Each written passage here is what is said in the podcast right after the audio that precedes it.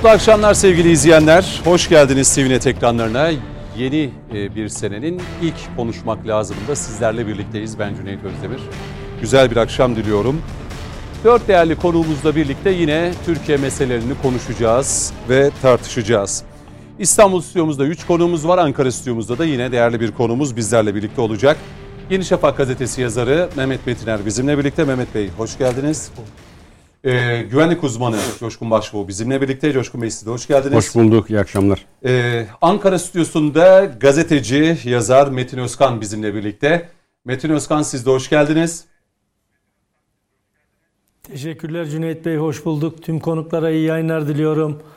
Ankara'dan selam olsun herkese. Peki. Hep birlikte. Ve yine bir başka gazeteci e, konuğumuz Milli Gazete Genel Yönetmeni Mustafa Kurdaş bizimle birlikte. Mustafa Bey siz de hoş geldiniz. Teşekkür ederim. Hayırlı akşamlar, hayırlı yayınlar. Çok teşekkürler sağ olun.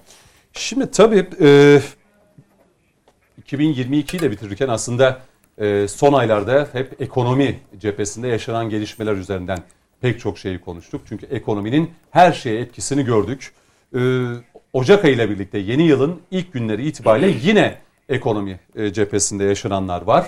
E, Pazartesi günü biliyorsunuz Cumhurbaşkanı Erdoğan e, kabine toplantısı sonrasında e, memurların ve emeklilerin de merakla beklediği zam oranlarını kamuoyuyla paylaştı. E, milletimizi bir kez daha enflasyon karşısında ezdirmeyeceğiz dedi. E, yine beraberinde e, ihracat rakamları açıklandı biliyorsunuz. Türkiye rekor bir e, rakamla 2021 yılını kapattı. 225 milyar dolarlık bir ihracat. E, sonrasında Cumhurbaşkanı Erdoğan'ın AK Parti il başkanları toplantısında e, çok sert mesajları vardı. CHP'li Özgür Özel'in e, Kur'an kursları üzerinden çocuklarımıza verilecek din eğitimi konusunda e, bu meseleyi orta çağ karanlığındaki zihniyete benzetti. E, o il başkanları toplantısında çok sert e, eleştirileri vardı Cumhurbaşkanı Erdoğan. Birazdan onlara da bakacağız. Belki bunu da konuşacağız. E, yine e, CHP e, kanadında yaşananları göz e, atacağız ve değerlendireceğiz. İşte e, Milli Eğitim Bakanlığı'na gitmesi, kapı önünde kalması, orada yaptığı açıklamalar e, yine gündemimizde olacak. E, tabii ki İBB'deki e, teftiş hala tartışılıyor. Onun da yansımalarına bakacağız. O zaman başlayalım. E, Sayın Metiner siz de başlayalım. Başlayalım. Şimdi pazartesi günü Sayın Cumhurbaşkanı kabine toplantısı sonrasında yine ekonomi tarafını özellikle memurları ve emeklileri ilgilendiren rakamları e, paylaştı. E, en düşük memur emeklisi maaşı 4200 gibi bir 4000 asgari ücretin üzerinde galiba. En düşük yine memur maaşı yaklaşık 5000 lira civarında hatta üzerinde. E, emekliler en düşük 1500 alıyordu. Artık 2500 TL'nin altında emekli maaşı olmayacak. Peyderpeyde kademe kademe o emekli maaşları da artış gösterecek. Şimdi bunu açıkladıktan sonra e, eleştiriler yine muhalefet tarafından geldi. Yani asgari ücretin altında nasıl tutulur diye. E, buradan bir başlayalım. Yani memur ve emekli e, aylıkları üzerinden şu söyleniyor. Yani asgari ücret gibi yapılamaz mıydı? Tabii yapılabilir. Niye yapılamazsın? Yani Türkiye'de yapılmayacak hiçbir şey yok. Tutamayacağınız vaatleri de söylersiniz. Sonra yapmazsınız. Sonra bunlara gerekçe uydurursunuz. E, muhalefetin yaptığı şey bu zaten. İktidar bizi yap, bize yaptırmıyor, engelliyor dersiniz. Gökyüzündeki yıldızlara vaat edersiniz. İktidara gelirsiniz, yerel iktidara gelirsiniz. Sonra efendim iktidar bize yaptırmadı, yaptırmıyor e, dersiniz yani. Türkiye'de ne yapılmaz ki? E, kendi imkanları, Türkiye'nin, devletimizin kendi imkanları dahilinde kendi vatandaşlarına, emeklisine, memuruna, işçisine, dar gelirlisine verebilecek e, en iyi rakamlar şu an. Bak çok açık söylüyorum. Kendi imkanları çerçevesinde verebileceği en iyi rakamlar bunlar. Devletin belirlemiş olduğu bütçe içerisindeki en Tabii iyi ki, rakamlar. tabii ki en iyi rakamlar. Yani 1500 lira düşük e, emekli maaşı 2500 liraya çıkıyor. %70 oranında bir zam. Doğru. Diyelim ki enflasyon %70 bile olsa siz zaten enflasyonu ezdirmemiş oluyorsunuz. Bu en düşük emekli maaşı. Yani 1500 ile 2500 e, arasında bir mukayese yaptığınız zaman işte %70 bir e, zam.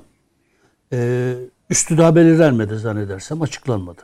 Bir de 6 aylık bir zaman dilimi için öngörülen bir şey. Memurlar için de. Şimdi yani enflasyonu ezdirmeme politikası çok önemli. İki, Türkiye'nin kendi imkanları çerçevesinde attığı adımlara bakmak çok önemli. Yani e, bir İsveç değil Türkiye, bir Norveç değil, bir Amerika Birleşik Devletleri değil, e, bir Almanya'da değil. Ama buna rağmen e, sözü edilen ülkelerin ekonomilerinde gözde görülür bir gerileme olurken makro dengeler açısından baktığımızda Türk ekonomisinin bir büyüme içinde olduğunu. Yani üretimiyle, ihracatıyla e, işte son zamanlarda da gözde görülür bir biçimde karşımıza çıkan cari fazlalığıyla Türk ekonomisinin aslında küresel salgına rağmen bir duraksama içinde olmadığı, tam tersine bir büyüme içinde olduğu.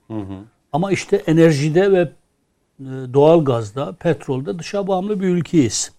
Bunlara zam geldiğinde otomatikmen siz e, ekonomik olarak sarsılıyorsunuz. Yani e, bunu vatandaşlara da yansıtırken çok daha dikkatli oluyorsunuz. Dolayısıyla bu fiyatlara yansıyor. Tabii fiyatlara e, yansıma sebepleri küresel salgınla da alakalı. Yani bir anda üretimde Avrupa hiç görmediği enerji tarafında tabii zamlarla yani karşı karşıya. o zaten mukayese etmemize gerek yok. Peki Mesela en önüm çok merak edilen Ocak ayı itibariyle elektrik ve doğalgaza gelen zamlar var ya orada bir kafa karışıklığı da var. Yani belki böyle konuşalım. E, devletin hala sübvanse edeceğini biliyoruz değil mi? Yani tabii ki tabii ki zaten doğal şu an ediliyordu zaten. Yine ediliyor. devam edecek değil mi bu? bakınız zaten doğal gazda biz dörtte üç oranında vatandaşlarımıza yansıtmıyoruz devlet olarak hükümet yani olarak 700-800 kendimiz lira olması gereken fatura Aynen. vatandaşa 300 lira olarak aynen e, enerjide de yüzde e, 25 oranında biz Elektrikte de aynı şey var. Elektrikte de tabii. İşte kademelendirmede ekonomik koşullar var, kriterler var, hane halkının e, şeyi var, durumu var, ekonomik durumu var. Bütün bunlar gözeterek bir kademelendirme sistemi var. Ama buna rağmen buna rağmen yapılan zamları hiçbir şekilde vatandaşımıza olduğu gibi yansıtmadığımız gibi tam tersine doğalgazda ve elektrikte devlet yarıdan fazlasını, işte enerjide yarısını, öbüründe de dörtte üçünü e, kendisi karşılıyor. E, işte 4253 lira asgari ücret. Yani o AGİ midir nedir? Yani bir sürü Asgari başka indirimi. şeylerle de mukayese ettiğinizde aslında e, devletin vatandaşlarını enflasyona ezdirmediğini. Peki ama yani bunlar gerçekten e, bunları zorunluluk tahtında söylerken içimiz başka türlü rahat mı? Rahat değil. Rahat değil yani. Gönül ister ki e, 2500 lira değil 5000 lira olsun. En düşük. Ekonomide yaşanan bu son 6 ay diyelim Sayın Metin. Yani yıllarca AK Parti, hala AK Parti içerisinde etkili olduğunuzu biliyoruz. Kesin Bu estağfurullah. ekonomide yaşanan gelişmeler şu anda ciddi anlamda iktidarı zorladı mı? Yani zorlayıcı bütün bir süreç. iktidarları, Değil mi? bütün iktidarları zorladı. Mesela e, işte pandemi Trump'ı devirdi. E, Trump'ın en büyük rakibi pandemiydi. Yani pandemi sonrası oluşan e, hoşnutsuzluklar vesaire vesaire. Yani ekonomiyi etkilememesi, siyaseti etkilememesi mümkün mü? Yani insanlar e, yoksullukla cebelleşirken, insanlar evine ekmek götüremeye, götürmeyi e, ciddi, ciddi ciddi düşünürken, e, arabasını benzin istasyonuna, yakıt istasyonuna çekerken işte ne kadar doldursam e, dönüşte tekrar nasıl doldururum diye düşünürken bunun siyasete, ekonomiye e, olumsuz yansımayacağını söylemek mümkün mü? Burada tabii e, şunu söylememiz lazım. Bir çığ geliyor. Bu çığı göğüslemeye çalışıyorsunuz. Önce onu bir durdurmanız lazım yani. Bir bariyer oluşturarak durdurmanız lazım. Asgari ücret tutarıyla yapılan şey budur. Ee, işte düşük emeklilik maaşıyla yap- şey budur. Ama burada hükümetimizin yaptığı başka yardımlar var. Yani bir asgari ücretli sadece e, o tutar üzerinden geçinmiyor. Yani diğer sosyal yardım kalemlerini saydığımız zaman, devletin sağladığı başka imkanları da e, konuştuğumuz zaman e, bunun tutarı çok daha fazla çıkıyor. Yani kaymakamlıklar, valilikler marifetiyle yapılan belediyeler. devasa belediyelerimiz, belediyeler üzerinden yapılan dolayısıyla toplumda hem devletten kaynaklı hem de milletten kaynaklı bu tür hassasiyetler zaten ekonomik sıkıntıları absorbe etmemizi, e, yumuşatmamızı biraz daha da e, azaltmamızı imk- sağlayan bir faktör. Yeni yılla birlikte gelen zamlardan size de çok şikayet geliyor mu? Ya, çok ge- geri dönüş mı? şikayet ediyoruz canım. Yani yeni yılda siz ya biz kutlamıyoruz yeni yılı da. Yani Yeni ama, bir yeni hani ya, ama, ama yani şu, şu var. Yani insanların sanki- yok, yok, sevindiği şöyle- bir anda yok, yani yok, zam- şöyle bir araya gireceğim belki çok özür diliyorum. Yani sanki daha önce 20 yıl öncesinde 1 Ocak olduğu zaman Türkiye'de zamla ya Türkiye'de bir gelenek haline geldi galiba bu. 1 Ocak dendiği zaman bir ya ben zamanlamasını doğru bulmadım. Hı, Yani öyle mi? gece insanlar eğleniyor. ama yok yani hani bu 20 yıl önce de 1 Ocak Yani- günü insanlar işte uyanırlardı. Bu gelenek iyi bir gelenek değil. Zam yapacaksan da 10 gün sonra yap canım yani bu kadar. Ya da 10 gün önce yap. Ya 10 gün önce yap. Ne yaparsan yap yani. İnsanlar eğleniyorlar. Bir de bak ya e, sabah uyanmadan bu buna hiç gerek yok. Bu eğlenmeyle ilgili değil de belki şey yani bu enflasyon rakamlarını etkilediği için çünkü sonuçta Aynen. hem emekli hem memur artışları bir şekilde yıllık enflasyon üzerinden hesaplanacak. enflasyonu Bu da bakınız. Bu da tartışılabilir. Niye 1 Ocak değil mi? Hani insan yeni bir Evet. seneye girdikte Yani- ilk günü Yani Aralık'a değil de Ocağa yazılsın ona göre biz daha rahat davranalım. İnşallah yani. Emekli ve şeyde asıl Ee, şey o. e, Tabii bir de şimdi- çok özür dilerim. Ee, bir de sen, siz dediniz ya hani yani her sene yapılıyor da yani yüzde 125, yüzde 150, yüzde yani bu oranlar hiç bu kadar olmamıştı uzun zamandır. Bunu Ben dedik. bir şey söyleyeyim bakınız. Yani vatandaşlarımız bilsinler diye bugün sevgili Salih Tuna kardeşim de e, bunu çok güzel bir biçimde değerlemiş. E, yani Türkiye ekonomisinin nereden nereye geldiğini görmek, göstermek açısından çok önemli. Yani mikroekonomik alanlarda belki sıkıntılar yaşıyoruz. Belki değil hiç kuşkusuz sıkıntılar yaşıyor ama. Türkiye'nin makroekonomik dengeleri çok çok iyi. Yani OECD ülkelerle mukayese bunun sokağa edildiğinde yansımasını mı diyorsunuz? işte bunu bu, bu sokağa yansıyacak zaten. Hı. Bakınız e, küçük bir iki rakam verin. Hemen Mesela onları alayım. 2002'de gayri safi yurt içi hasılamız ne kadar? 200 2002'de milyar yani dolardı galiba. AK Parti'nin iktidara geldiği e, yıl 200 e, milyar. 240.3 milyar dolar. Bir gayri safi milli hasılamız var. Kişi başına e, şeyimiz 2004 3600 miydi? bi- üç- 3.6 bin dolar. Yani bunu TL'ye 3600 dolar. O zaman TL'ye çevirdiğinizde 4500 liraya falan tekabül ediyor. Ya doların 1-1,5 işte ne olduğu dönem. Peki 2020'deki gayri safi milli hasılamız ne kadar? Bakınız 850 milyon. e, 240.3'ten 720.1 milyar dolara çıkmış. Kişi başına e, şeyimiz ne? 8.53 bin dolar. Yani 8 hadi yuvarlayalım 8500 dolar. 9 bin dolar dediğimizde e, bunu Türk lirasıyla mukayese ettiğimizde çok daha farklı bir tablo çıkıyor. Mesela Almanya'da durum ne diye baktım ben. Ben de ayrıca Salih Tunan yazısını okuduktan sonra baktım. Almanya'da da şöyle bir gelişme olmuş. Mesela 2002'deki Almanya'daki durum yani gayri safi milli hasılası Almanya'nın 2.069 trilyon dolar. Trilyon dolar. 2022'de eee 3 milyon 806 trilyon dolara çıkmış bu gayri safi milli hasıla. Kişi başına 45 bin nokta 7 bin dolar ediyor. Yani bizde e, 3.6 bin dolar iken e, orada 45 bin. Peki Türkiye'nin 2022'de bakınız Hedefi. 8.6 e, 62 katı olan Almanya 2020'de 5.28 katına düşmüş. Yani Alman ekonomisinde geriye bir düşüş var. Türk ekonomisiyle mukayese edildiğinde rakamsal düzeyde e, e, 2002'de Türk ekonomisinden gayri safi milli hasıla e, bağlamında 8.62 katı büyükken Almanya 2022'de 5.28 katına yani 8'den 5'e 3 puanlık bir düşüş var. Aynı Almanya 2002'de Türkiye'nin kişi başına 6.94 katı iken 2020'de 5.35 katına düşmüş. Yani Türkiye'de bir yükselme var.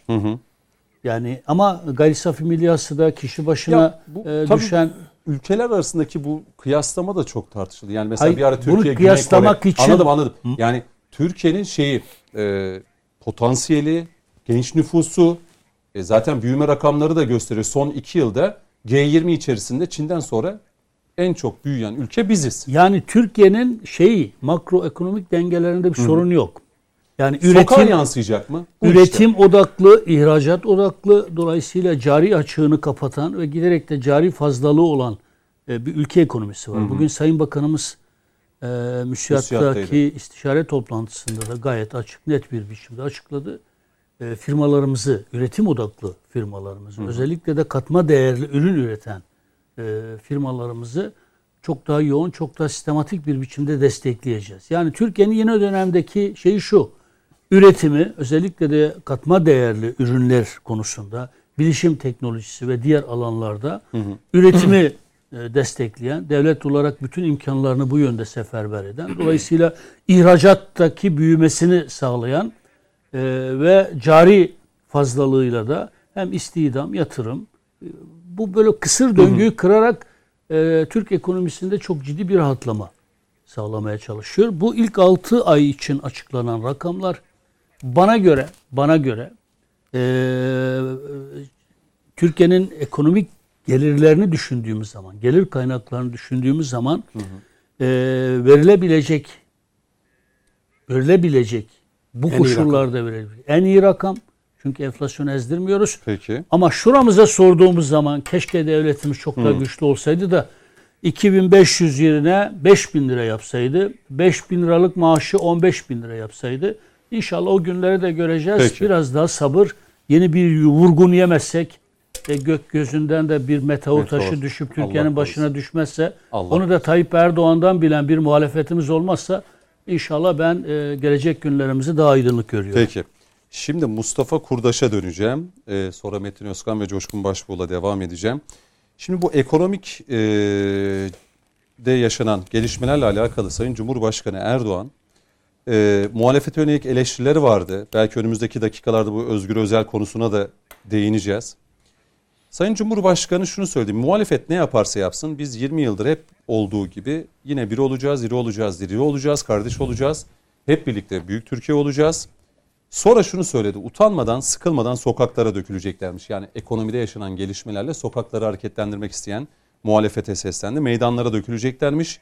Siz 15 Temmuz'u görmediniz mi? Nereye dökülürseniz dökülün. 15 Temmuz'da o sokağa dökülenlere bu millet nasıl dersini verdiyse siz de dökülün. Siz de aynı dersi evelallah alırsınız. Bizler Cumhur İttifakı olarak hepinizi önümüze katarız ve gideceğiniz yere kadar da kovalarız dedi.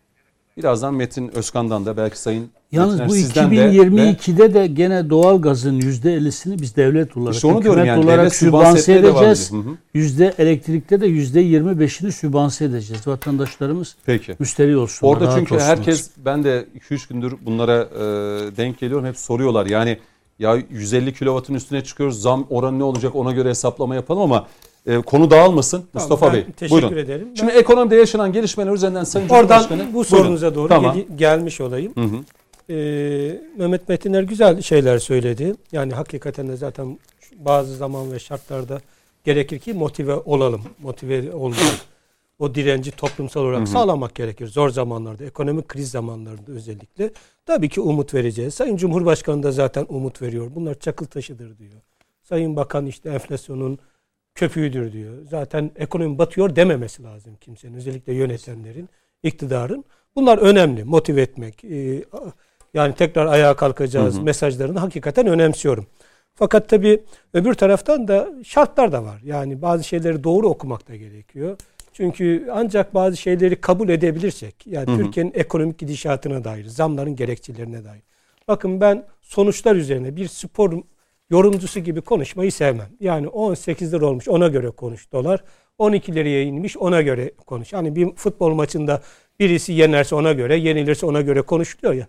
Öyle değil de işin ta, temeline de inerek de bazı hmm. meselelere bakmak lazım, kavramak da lazım ama şu bir gerçek. Yani şimdi AK Parti iktidarı 2002 yılında göreve başladı. Şimdi emekli ve özellikle e, memur. şeyden memur maaşları üzerinden başladık ya. 2002 yılında asgari ücret 184 lira idi. E, emeklinin e, en 184 düşük milyon. E, e, 6 sıfır dağıtılmış. Tamam 6 sıfıra fark eden bir şey yoktur. Yani şimdi 7 sıfıra çıktı. Çünkü dolar 10 liraya geçtiği için 6 sıfır yok ama psikoloji e, gerçekte 7 sıfır oldu bizim hı hı. E, para birimimiz. Öyle diyebiliriz yani. Çünkü 10 liraya geçtiği için dolar. Hı. Öyle söylüyorum. Şimdi e, 184 liraydı asgari ücret. 257 e, lira en düşük emekli parasıydı. Şimdi emekli açısından bakıyorum meseleye.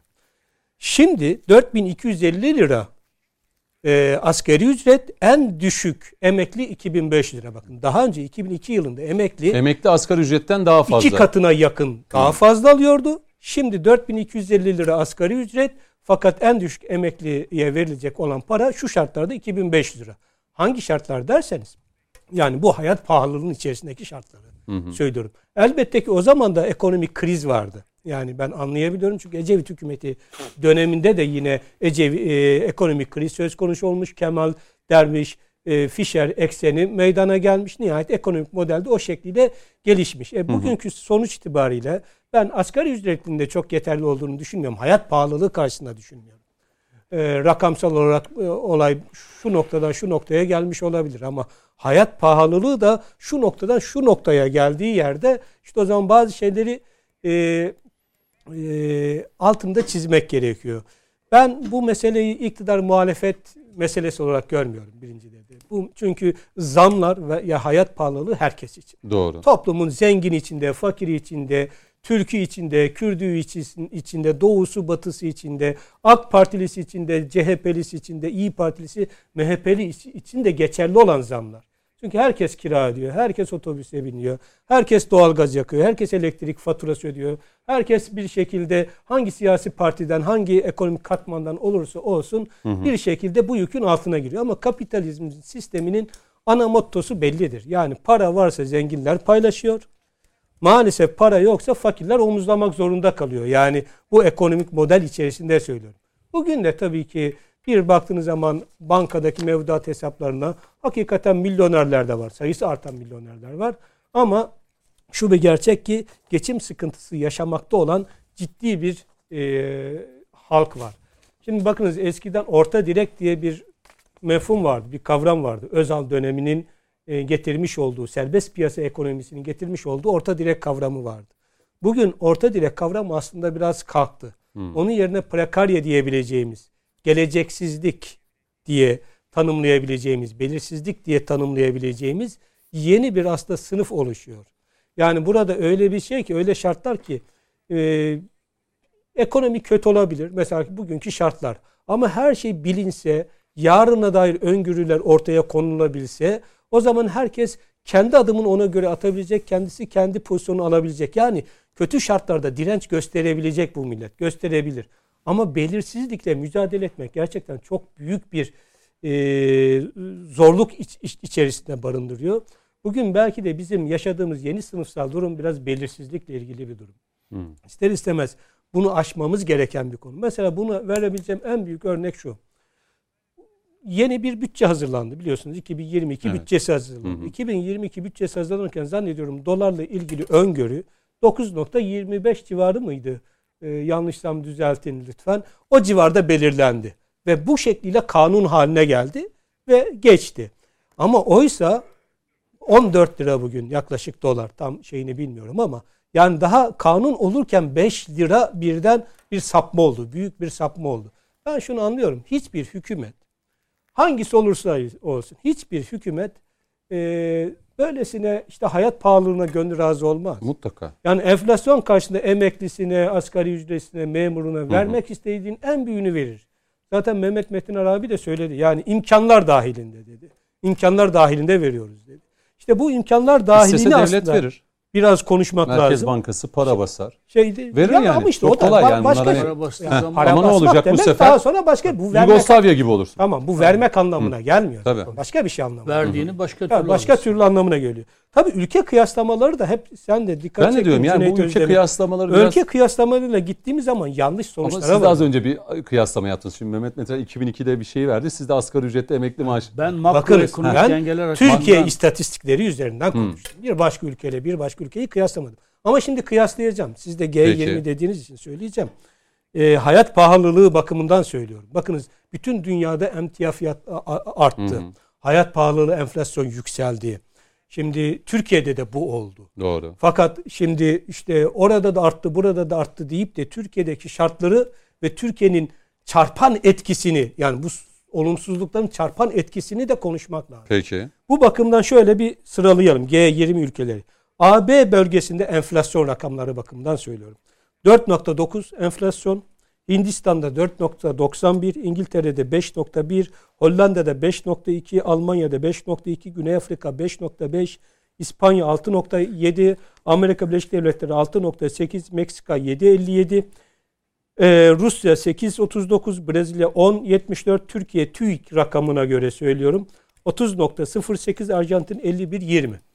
Şimdi evet Almanya'da da hakikaten hayat pahalılığı arttı. Diğerlerinde de arttı. Fakat şimdi Almanya'da baktığınız zaman cari fazlalık veriyor. Kar ediyor. Bütçesinde açık Hı, yok. hı. Ee, yani bütçesine büyük faiz oranları koymuyor. Her ülke borçlu ama bütçesine büyük faiz oranları koymuyor. Biz bu sene bütçemize 240 milyar lira faiz ödeneği koymak zorunda kaldık. 19 yıldır bu artarak giden bir süreç. Yani bir bakıyorsunuz üretim Ama noktası. Geçen yılda cari fazlalığımız oluştu yani. 2.6 milyar cari Hatta bu yılda bu bekleniyor. Tabii. Ya- 2022'de. yani e, borçlar bakımından ve diğer enflasyon bakımından, hayat pahalılığı bakımından meseleye baktığımız zaman durum hakikaten üzerinde gerçekten konuşmamız. Yani birbirimizin önünü kapatmak değil. Ya hükümet haklı, muhalefet Daha iyisi olabilir değil. miydi? Tamam bir Ee, muhalefet açısından bir bak. bir de daha çok- iyisi bir olabilir çok- miydi? Ne olabilirdi Tabii mesela olur, daha iyisi? olur. Yani bakınız ben o zaman daha iyisine şöyle bir giriş yapayım. Ama şu parantezimi açayım. Yani enflasyon var. Çünkü bugün bir gürültü var. İnsanlar yani sanki dersin her şey güllük gülistanlık gibi bir hava oluşuyor. E, Kim- bir taraftan da her şey Yani- bitmiş gibi bir havada oluşturuluyor. Ama ben sevgili seyircilerimizden şunu istirham ediyorum. Ne olur eee, siyasetçilere bakmayın. Ekonomistlere bakmayın. Bana bakmayın, başkasına bakmayın. Televizyona çıkan yorumculara, gazetecilere, ekonomistlere de bakmayın. Herkes kendi evinde, kendi durumuna baksın. Yani herkes kendi evinde, kendi enflasyonunu, kendi geçimini, Baktığı kendi ekonomisine baksın. Nereden nereye geldiğine baksın. Belki de Mustafa Kurdaş taraflı konuşuyordur. Hı hı.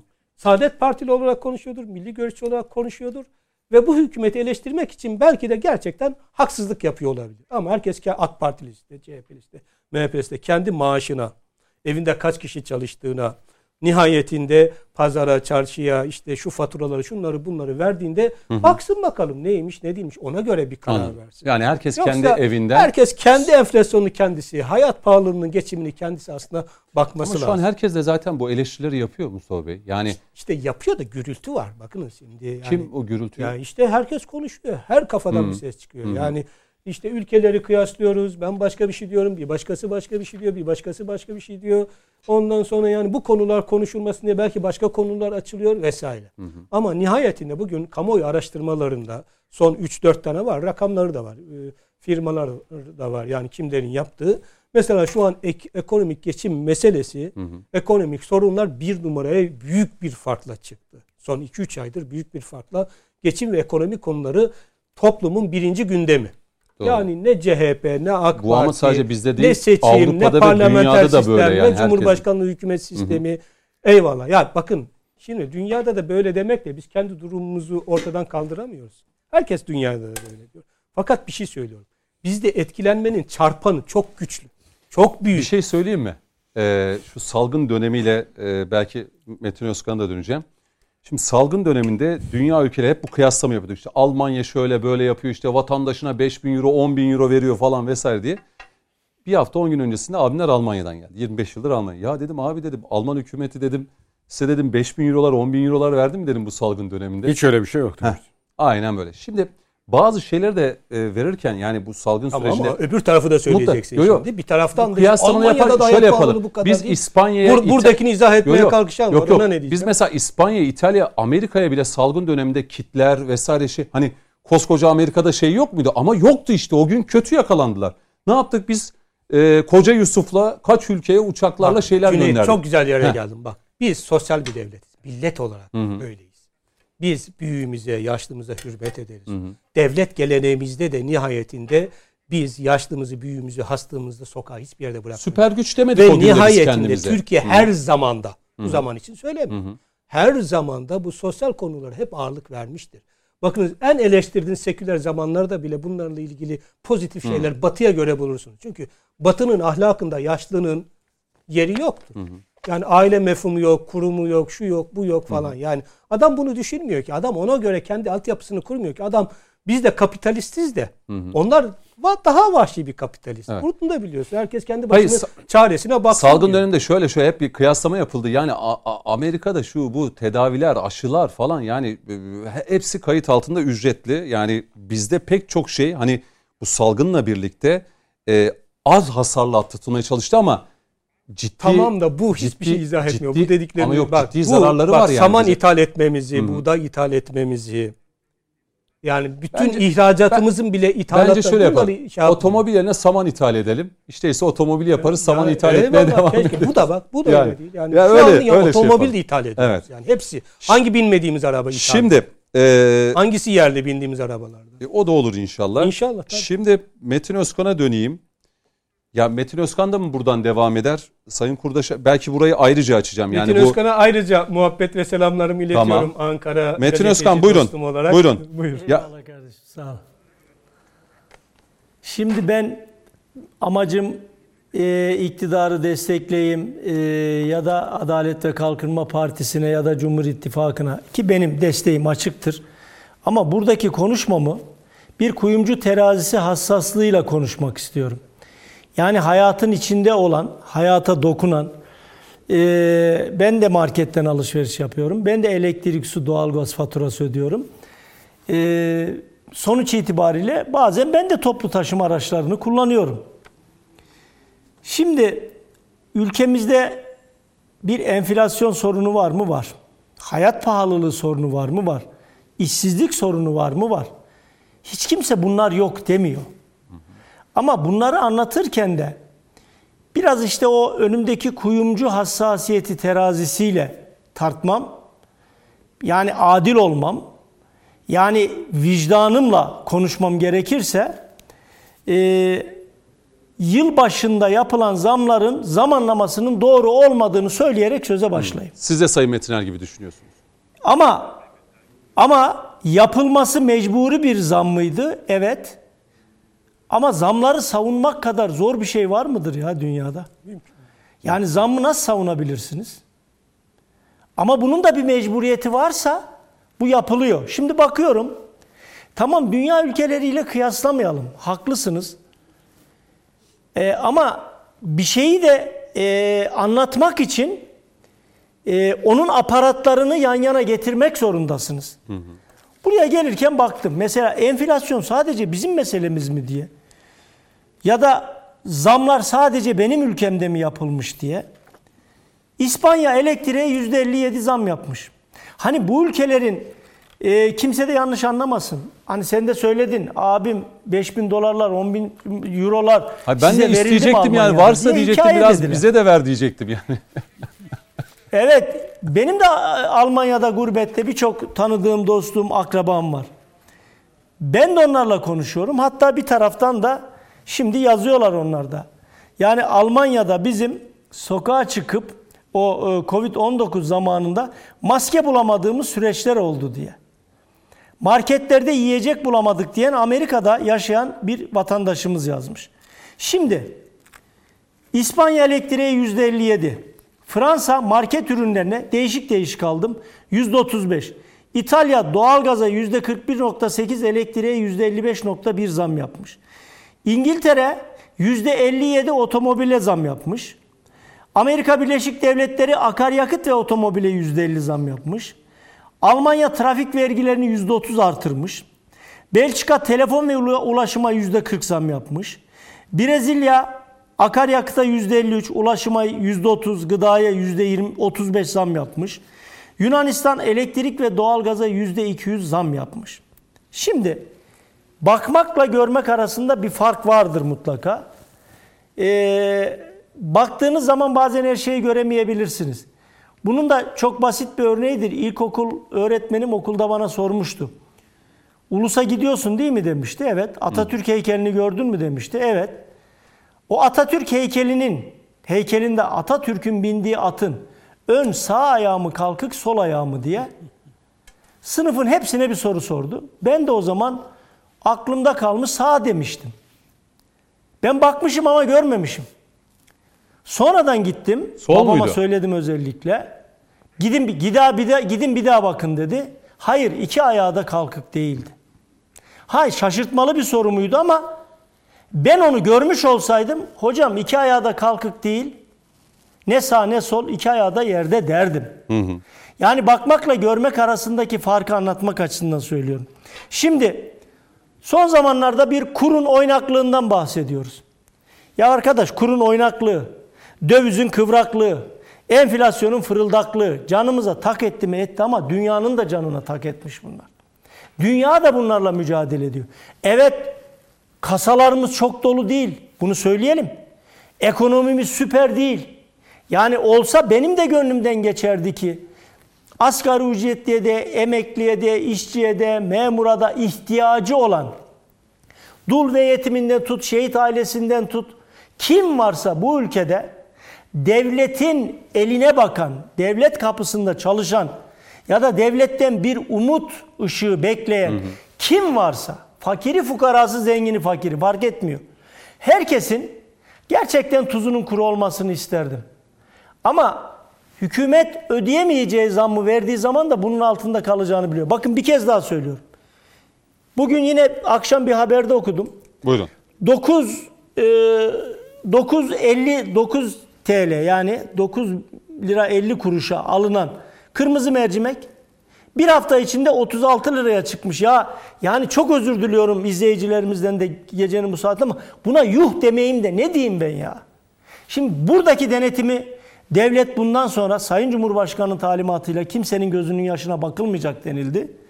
Ve bu denetimler artırıldı. Ama bunu sadece polisiye tedbirlerle de yapamayız. Biz vatandaşlar da eğer arada bir e, fırsatçı böyle e, insanların kanını hemen böylesi günleri kendisine e, pusuda bekleyen bir çakal gibi e, insanları tırmalamayı bekleyen, onları parçalamayı bekleyen birileri varsa bunları vatandaş olarak bizim de bu görevi üstlenmemiz Siz gerekir. şimdi bunları örnek Şimdi, verince konut fiyatlarında e, da girenler bakıyorlar. Aralık ayında 600 bin liralık daire şu anda 1 milyon 800 bin lira olmuş. Hadi gel şimdi Evet vatandaş ya nasıl ev Cüneyt alsın? Bey bakın şimdi bakın memura emekliye verildi belli bir oranda bir zam.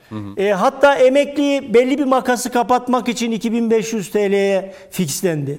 Ya bunlar aslında güzel şeyler ama ya e, ya iyi çok şükür diyecekleri anda yani o gece e, ben de Sayın Metiner gibi düşünüyorum. O zamlar açıklamanın gerçekten bir anlamı yoktu ya. Yani bu hani bazen diyorlar ya Cumhurbaşkanına birileri tuzak mı kuruyor diye.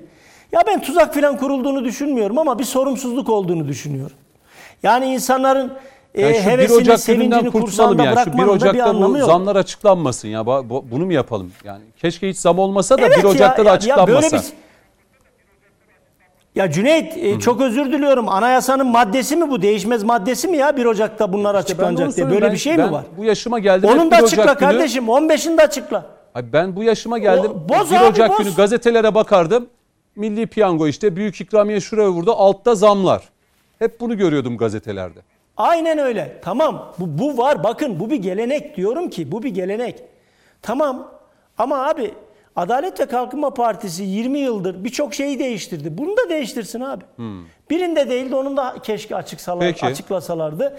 Çok daha hani bir şey gerçeği değiştirecek mi? Yok 10 Değiştirmeyecek. gün sonra yine zam haberini alacağız ama ya o gün olmazdı. Şimdi o Yo zaman ne şu, oluyor şu biliyor önemli. Ekonomide psikolojinin Muhale- de çok önemli olduğunu gördük. Toplumsal ve ülke olarak. Yani Güven. evet. Ya bu, bu çok önemli. Kesinlikle ya.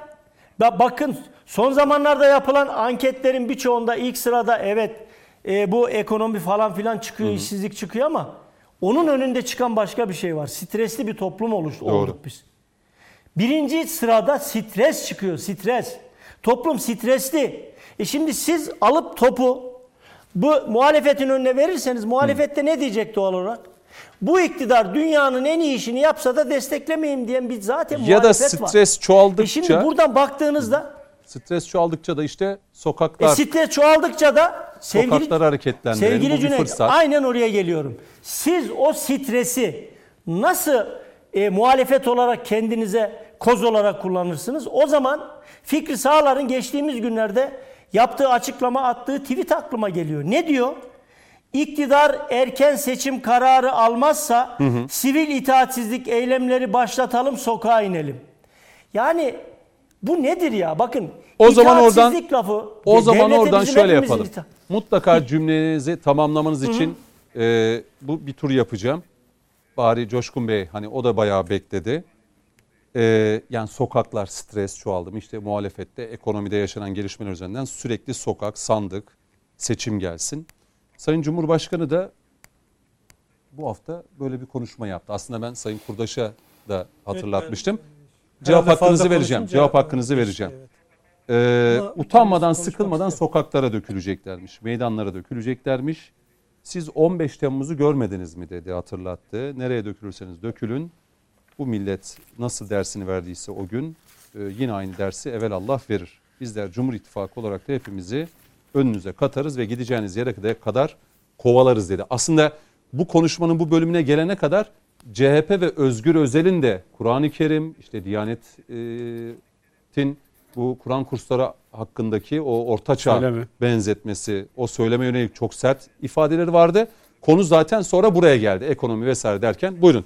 Sözü de size o şekilde pas atayım. Şimdi şöyle sokak hep hedefte. Hı hı. Kimin hedefinde? 15 Temmuz'a e, krip planına destek verenlerin hedefinde.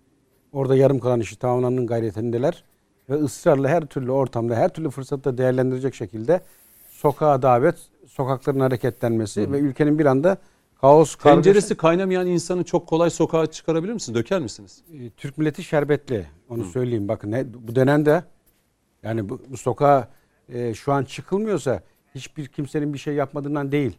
Halk bilinçli olduğu için sokağa dökülmüyoruz. Yoksa Sağduyu bunu var. sağduyu var. Bunu önceden denediler. Halen de deniyorlar. Daha bugün bile. Kazakistan'ın yaşamış olduğu iç kargaşayı bile zamma verilen bir doğal tepki millet veriyor. Bakın Tabii biz o LPG bir gibi- sebepti. gibi başlıklarla hala el altından e, nasıl kaynatırımı arayanlar var. Yani bir kıvılcım aranıyor. Kesinlikle. Bu zihniyet, bu mantık ölmüş değil. Ve maalesef bu mantığı ve bu zihniyeti muhalefet diye geçinen ama aslında e, farklı e, niyet ve e, sahiplerle işbirliği içerisinde olan bir takım odaklar Böyle bir ortam olduğunu düşünüyor musunuz şu an siz? Yani Sokaktan harekette. sokakları harekete geçirmek isteyenler için böyle bir ortam her daim vardır da Her fırsatı değerlendirecekler. Bakın, genel kanaat açısından yani ülke yönetenler açısından diyorum yani şu an o riski düşünüyor mudur? Şöyle yani ben az önce halktaki bilinçten bahsettim. Hı hı. Türk milleti kimin hangi lafı ne maksatta yaptı, söylediğini ve amacın ne olduğunu çok iyi okuyor. O kadar iyi bir bilinç var ki milletimizde. Bu sokağa davet edenler yani şöyle bir hayalle bu daveti e, yapıyorlar. Bir anda argo tabirle herkes gaza gelecek. Bütün sokaklar şenlenecek. Bir anda cam, çerçeve, kapı, pencere derken olaylar kontrolden çıkacak ve bütün ülke kan gölüne dönecek. Amaç o. Ama şükürler olsun bu hiç olmadı şu ana kadar. Tutmadı, tutmayacak da. Şimdi az önce Kazakistan örneği onun için verdim. Bakın daha bunu bile kullanmaya tetikte bekleyen, pusuda bekleyen bir takım e, odaklar var. Kullanmak için e, fırsat Peki bekleyen. Cumhurbaşkanı burada mesajı direkt neydi? Yani 15 Temmuz hatırlatmasını yaptı. E, amacın ne olduğunu gördüğü için hani böyle bir yola tevessül etmeyin. Başınıza ne geleceğinizi şimdiden ikaz ediyorum, ihtar ediyorum demek maksadıyla bu cümleleri kurdu. E, devlet sen ben gibi değil. İstihbari bir takım çalışmalar yapıyor. Altyapı yoklaması var. Burada kimin neyi beklediğini, kimin pusuda beklediğini çok iyi biliyor. Ve ona yönelik bir takım üstü kapalı mesajlar var. Alan alması gerekenler alsın dersini diye. Şimdi burada tabii ekonomi buna en müsait ortam. Yani e, Demirel'in bir lafı var. Daha önce de ifade etmiştim. Tencerenin düşüremeyeceği iktidar yoktur diye. Gerçekten açlık veya ekonomik anlamdaki sıkıntılar e, ülkede kaşınmaya en müsait ortamlardır. Ha sıkıntı var mı ülkede? Var. Bu bir süreç mi? Süreç. Burada devlet elinden geleni yapıyor mu? Bana göre yapıyor. Mehmet abinin ifade ettiği konuya yürekten katılırım. Devlet eldeki imkanı sonuna kadar kullanacak şekilde her türlü tedbiri almak için gayret gösteriyor. Bakın e, şu da çok enteresan bir laftı. Ne veriyorsa bir fazlasını veriyorum. Neye göre veriyorsun? Güzel. Neye göre veriyorsun? Yani yani böyle mantık olabilir mi? Ben attım 500 veriyorum dedim. Ben de 501 veriyorum deme gibi bir lüksün var mı? Şimdi Cumhurbaşkanımızın ve e, temsil ettiği iktidarın bana göre şu ana kadar uyguladığı en doğru yol olmayanı asla vermediler. Bol kesiden Olmayacak asla, vaadi hiçbir zaman millete asla. vaat etmediler. Asla. Şimdi burada e, hep olanı en mantıklı, en akılcı ve en çok halkın yararını nasıl kullanır mı arayan bir iktidar gördük. O nedenle hep bu zamana kadar Allah'a şükür bunca oyuna, bunca saldırıya rağmen e, yara bere alsak da yıkılmadan gelmeyi başardık. Şimdi zam oranı açıklandı asgari ücretle. E, gönül ister ki yüzde yüz yapsınlar.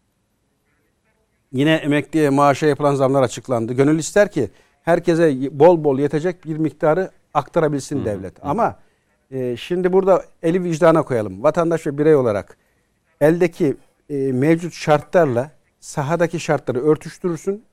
Buna en akılcı çözüm bulursun. Hükümetin, devletin yaptığı bu. Vatandaş olarak biz iktidarda olsak da yapacağımız bu. Oraya bir basit örnekle pencere açayım. Tabii. Ben hep devleti aileye, devletleri de bir apartmandaki ilişkiye benzetirim. Daha kolay anlaşılsın diye hep buradan örnekleri vererek açıklamaya çalışırım. Şimdi devleti aileye benzetecek olursak şu an her ailenin Allah bahçesinin evlatları var. Allah bereketini versin bir döndürdüğü bütçesi var. Ve herkes ayağını yorganına göre uzatıyor. Ölçüyor, biçiyor, tartıyor. Diyor ki ben en fazla diyor şöyle bir şey yapabilirim. Evet. Şimdi devlet de aynı hesabı yapıyor. Hiç merak etmeyin. Devlet diyor ki benim elimdeki imkan ve kaynaklar bu oranda zam Memurum var, yapmaya... askerim var, polisim var, savcım var, engellim var, dul yetim var, emekli var. Var oğlu işçisi var. Var oğlu var. Şimdi Yani. bütün bunların hepsini dengede tutmak, bütün bunların hepsine göre e, bir adaletli yol bulmak Hı hı. o kadar zor ki. Bakın ben mesela şeyi çok takdir ettim. E, hani maaş arasındaki Mustafa Bey'in o dediği lafa katılırım. Hani bir alt, bir orta, bir de üst tabaka vardı. Evet. Hani her devlette bu vardır. Bizde ortanın biraz daha zayıfladığı, alt ve üst tabakanın oluştuğu bir süreçten geçtik. E şimdi burada atıyorum e, maaşlar açıklandı. 20 bin lira maaş alan bir bürokrat, bir devlet görevlisine vereceğin yüzde 10 zam bir diğerinin alt tabakadakinin maaşına tekabül ediyor. Yani 2000 lirayla geçiniyor adam. Şimdi devletimiz işte bana göre çok doğru bir adım attı ve dedi ki bu makası kapatmak için Kademe. seyyanen zam. Hı hı. Yani e, asgari taban e, Refah payı. ve- taban rakam öyle oluştu. En az iki buçuk lira diye. Hı hı. Şimdi bu bir aşama. Şu an eldeki şartlar buna yetiyor. Tedbir böyle alındı ama eminim eli bollaşan, şartları daha da kolaylaşan bir devlet bunu hemen anında gene ikiye katlamakla da tedbir alır. Çünkü devletin görevi Peki bu. şöyle sorayım, bir araya gideceğim. Ee, 2022 ya bir birazdan araya gideceğim. Dönüşte devam edeceğiz.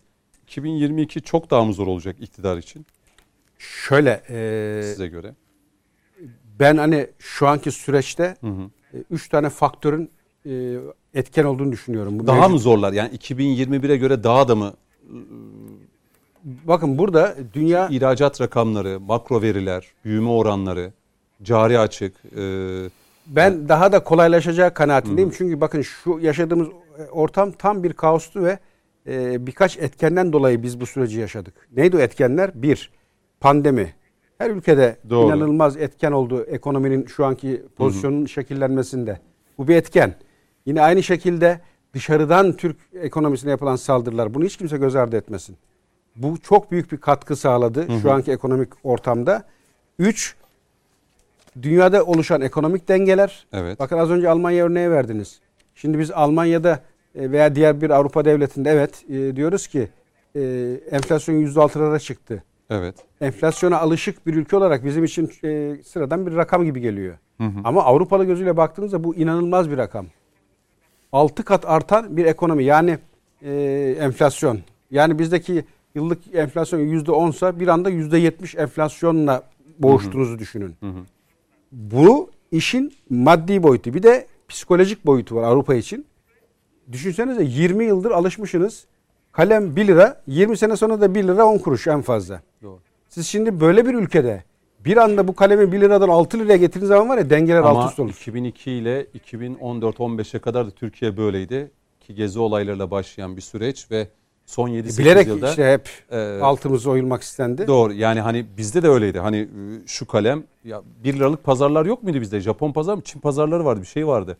Hani Japon- gidiyordunuz 1 lira yani 10 lira bir sürü şey Japon alıp çıkıyordunuz. pazarı derler ama Ha, cidden öyle 10 lirayla gidiyordunuz o 1 liralık şey zaten eğer az önceki sorunuzu o ortamda sormuş olsanız ben önümüzdeki sene çok kolay geçecek diyebilir idim. Şimdi Niye ihracat, başlık bıraktım? ihracat odaklı olduğu için e, Türkiye'nin yeni ekonomik İşte hayır niye modeli- açık başlık bıraktım? Hı hı. Bir, e, pandeminin yani virüse dayalı e, sürecin daha nerelere evrileceği Hı. belli değil. Bir risk var ortada. İki, e, dünyada oluşmuş bir ekonomik kriz var. Hı hı. Hani biz şu an dünyada en iyi üreten Çin'den sonra gelen ikinci ülke konumundayız. Evet Ama Avrupa'da şalter indiren yani ciddi kriz yaşayan ülkeler var. tabii. O ne boyuta gelir bilmiyoruz. O bizi nasıl etkiler onu da bilmiyoruz. Artı bir savaş ortamı tamtamları çalınıyor. Bazı devletler arasındaki Ukrayna, Rusya, Hmm, işte NATO gibi. Enerji arzını en çok o zaten tetikliyor. Heh. Yani Amerika ile Rusya gibi gibi arasında. bilinmezler var. Bu işte size ön- 2022 ile ilgili çok net bir vizyon çizmenize engel Anladım. teşkil Riskler ediyor. hala devam edecek. Devam Peki. ediyor. Bir ara Oraya diyelim. giriyoruz. Tamam eee, bir ara diyelim. Dönüşte yine bu konu üzerinden devam edeceğiz değerli izleyenler.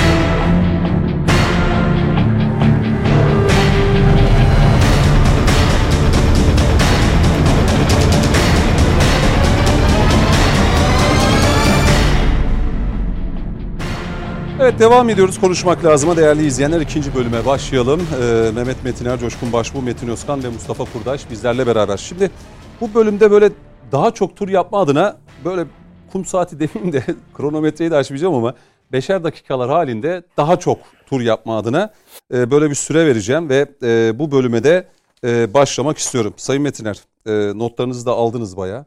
Aldınız. Ee, şu sokağa dökülme meselesi. Sayın Cumhurbaşkanı o konuşmasında e, neyi kastetti? Muhalefete miydi bu yönelik sözleri? Yani Cumhur İttifakı olarak hepinizi önümüze katarız ve e, gideceğiniz yere kadar da kovalarız dedi. E, bugün Kılıçdaroğlu'nun da bu konuda e, bir açıklaması oldu. Sokağa çıkmamızı istiyor ama çıkmayacağız. E, bizim kitabımızda sokağa çıkmak diye bir şey yok. Tam tersine arkadaşlara taşkınlık yapmayacaksınız. Sokaklara çıkmayacaksınız. Büyük sabırla sandığı bekleyeceksiniz diyoruz. Sanki biz sokağa çıkın diye talimat vermişiz. Bizim sokağa çıkmamızı istiyor ama çıkmayacağız. Zorlayacak ama çıkmayacağız. Çok iyi. Çok tebrik ediyorum. Buyurun. Kılıçdaroğlu, sen Kılıçdaroğlu'nu çok tebrik Meral ediyorum. Akşener'ine galiba benzer bir 5 dakikalık sürenizi başlatıyorum. Evet. Hemen hızlı hızlı turlara başlayalım. Buyurun. Yani devletimizin tabii ki istihbarat e, örgütleri var. E, PKK'nın dağdan yaptığı çağrılar da izleniyor. Hı hı.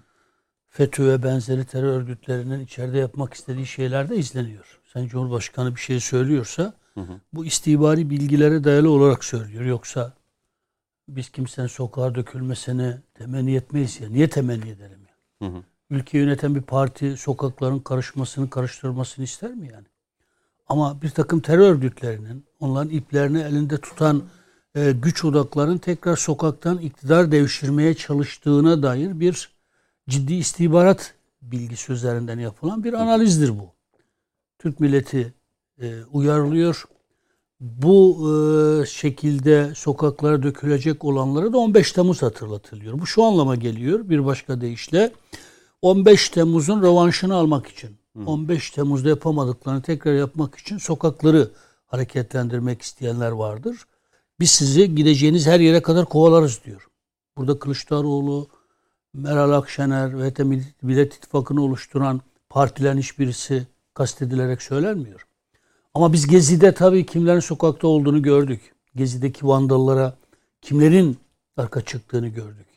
PKK'lı, PKK'lı vandallara e, kimlerin arka çıktığını gördük. Ben o tarihte meclisteydim. Meclis kürsünde CHP adına çıkan sözcüler açık bir biçimde bakınız. Açık bir biçimde e, devleti katliamla e, bölge halkını tehcire zorlamakla suçladılar. Bir tek kelimeyle PKK teröründen bahsetmediler. Arşive girsinler. Hafızayı beşer nisyan ile mal öldür ama bizim her seferinde hatırlatmamız lazım. CHP'nin arşivine girsinler. O tarihlerde, Hendek terörünün olduğu tarihlerde CHP heyetinin Cizre, Şırnak ve benzeri yerleri gezdikten sonra hazırlamış olduğu raporlara baksınlar. O raporları okuyan birisi olarak söylüyorum. Okumayanlar lütfen itiraz etmesin. Ne yazıyordu?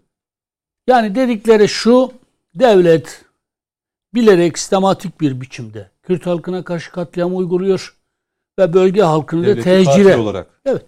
Bir tek PKK eleştirisi. Zaten ağzından kaçırdı. Hendek arkadaşlarım dedi. Suriye'deki terör örgütüne de kendi halkı için özgürlük mücadelesi veren e, bir e, hareket, bir parti, bir örgüt payesi verdi. Şimdi bakınız Kemal Kılıçdaroğlu'nun bu söylediklerini Saudi'yi adına alkışlarız. Hı hı. Ama ama burada da bir siyasi hinlik var. Sanki AK Parti e, Kemal Bey'in başını çektiği bloğu sokağa çekmeye çalışıyor. E, Kemal Bey de biz zinhar sağduyuyu temsil ediyoruz sokağa çıkmayacağız diyor. Ya kimsenin size sokağa çağırdığı yok. Ama dağdakiler e, Kemal Bey'e doğrudan hitap ederek e, Sokağa. Millet İttifakı'nı oluşturan başka partilerin isimlerini de zikrederek sokağa çağırdığını biliyoruz yani. Yani bu, Şeyde hatırlıyorum Demirtaş'la şimdi değil de ne zaman? Tabii canım demişti. yani dolayısıyla eğer Kemal Bey ya bir sokağa inmeyeceğiz derken sağduyulu bir mesaj veriyor. Kendisini yürekten kutluyorum. İnşallah zinhar sokağa inmezler. Ee, ama Sayın Cumhurbaşkanımızı da olmayan bir şey üzerinden yani insanları sokağa çağıracak. Buradan iktidar adına nemalanacak, beslenecek. Ondan sonra amaçlarına ulaşacak gibi nahak yere haksız, yanlış bir suçlamanın muhatabı kılarsa da bunu yaptığına da e, dürüst siyaset denmez. E, demokratik muhalefete hiç kimsenin itirazı yok. Muhalefet partileri demokratik tepkilerini sivil, e, barışçıl temelde ortaya koyabilirler. Bunda hiçbir sakınca yok. Kimsenin zaten kastettiği şey de bu değil. Yani demokrasilerde vatandaşlar tepkilerini en açık, en dolayımsız, en özgür bir biçimde ortaya ko- koyarlar. Ama şiddetle buluşmamaları, şiddet örgütleriyle buluşmamaları kaydıyla.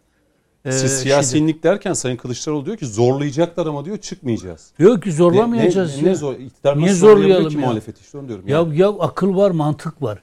Bakınız Kemal Bey bazen öyle şeyler söylüyor ki gerçekten e, yani bir dediği bir dediğini tutmadığı gibi bir kulağından çıkanı diğer kulağa da duymuyor.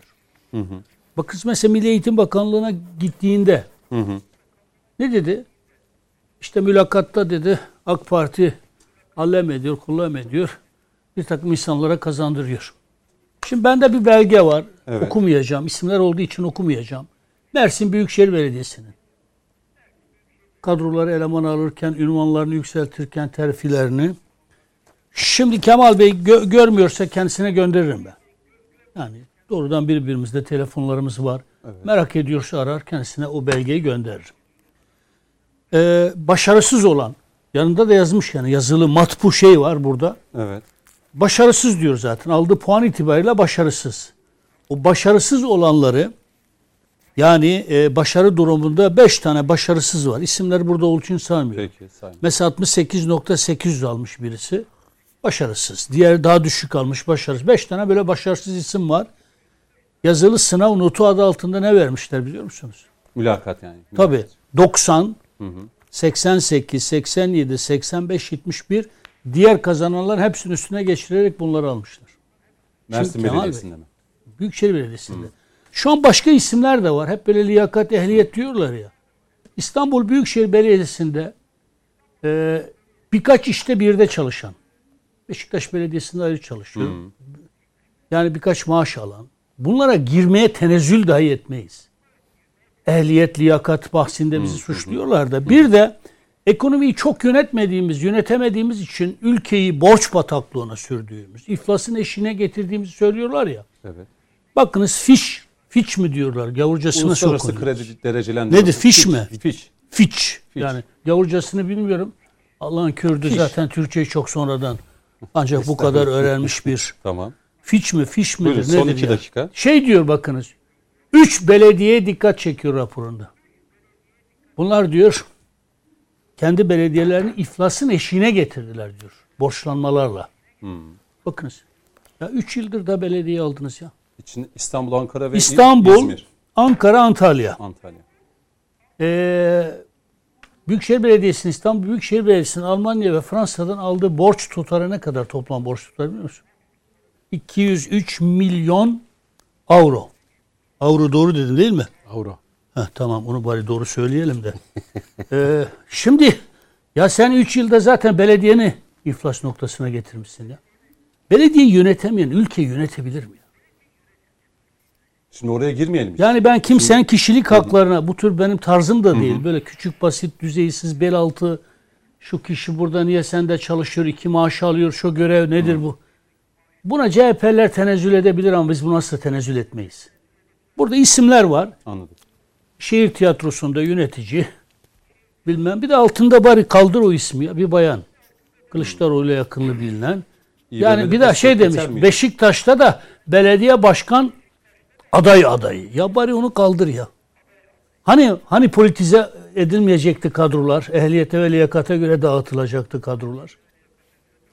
Yani Gerçi Sayın e, Şimdi- Kılıçdaroğlu bu TÜİK'e, MEB'e gidiyor işte Merkez Bankası'na. Yani bir, bir şey ortaya atıyor ama o attığı kuyunun içerisinde kendisi o taşı çıkarmaya Yani çalışıyor. Kemal Bey mesela bir şey daha defalarca söyledim. Bakınız bir şey de örnek olun ya.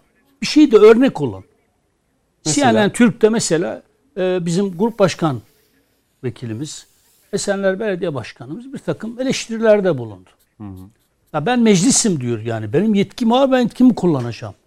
Bir CHP'li çıktı kendisine itiraz sadedinde dedi ki ya seçilmiş başkana niye bütün yetkileri vermiyorsunuz? Mecliste tanınan yetkileri de niye vermiyorsunuz? Seçilmiş başkana.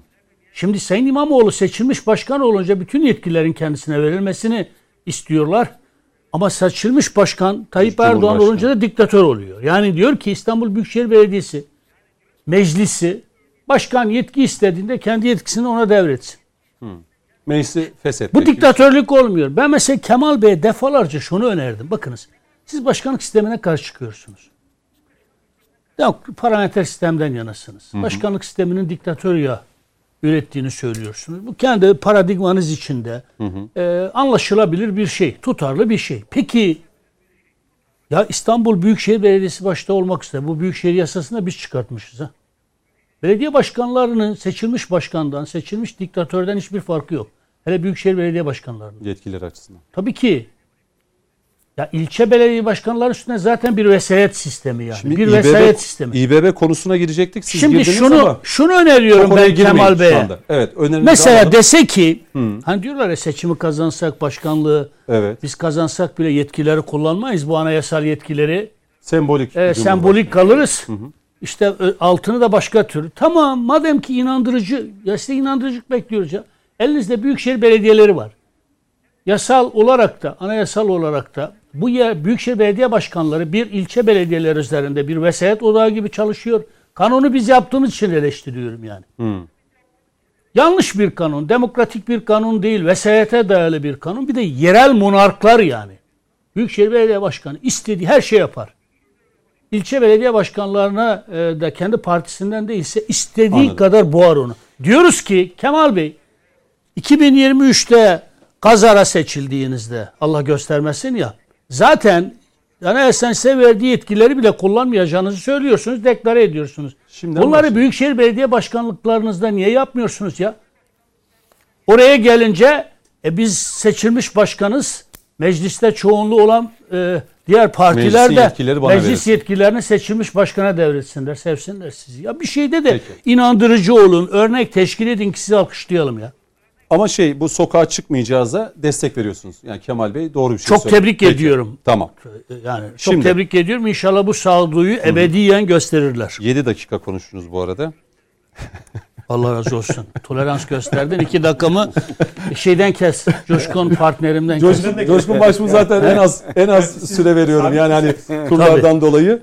Biz daimi Ee, konu paslaşıyoruz. Şimdi Metin Özkan da diyeyim Ankara'da olduğu için e, hani onu da öyle yalnız bırakmayalım. Yani hem bu sokağa dökülenleri Cumhur İttifakı'yla e, sonuna kadar kovalarız. Kılıçdaroğlu da biz diyor kitabımızda sokağa çıkmak diye bir şey yok. E, zorlasalar da çıkmayacağız. E, Metin Özkan. Buyurun.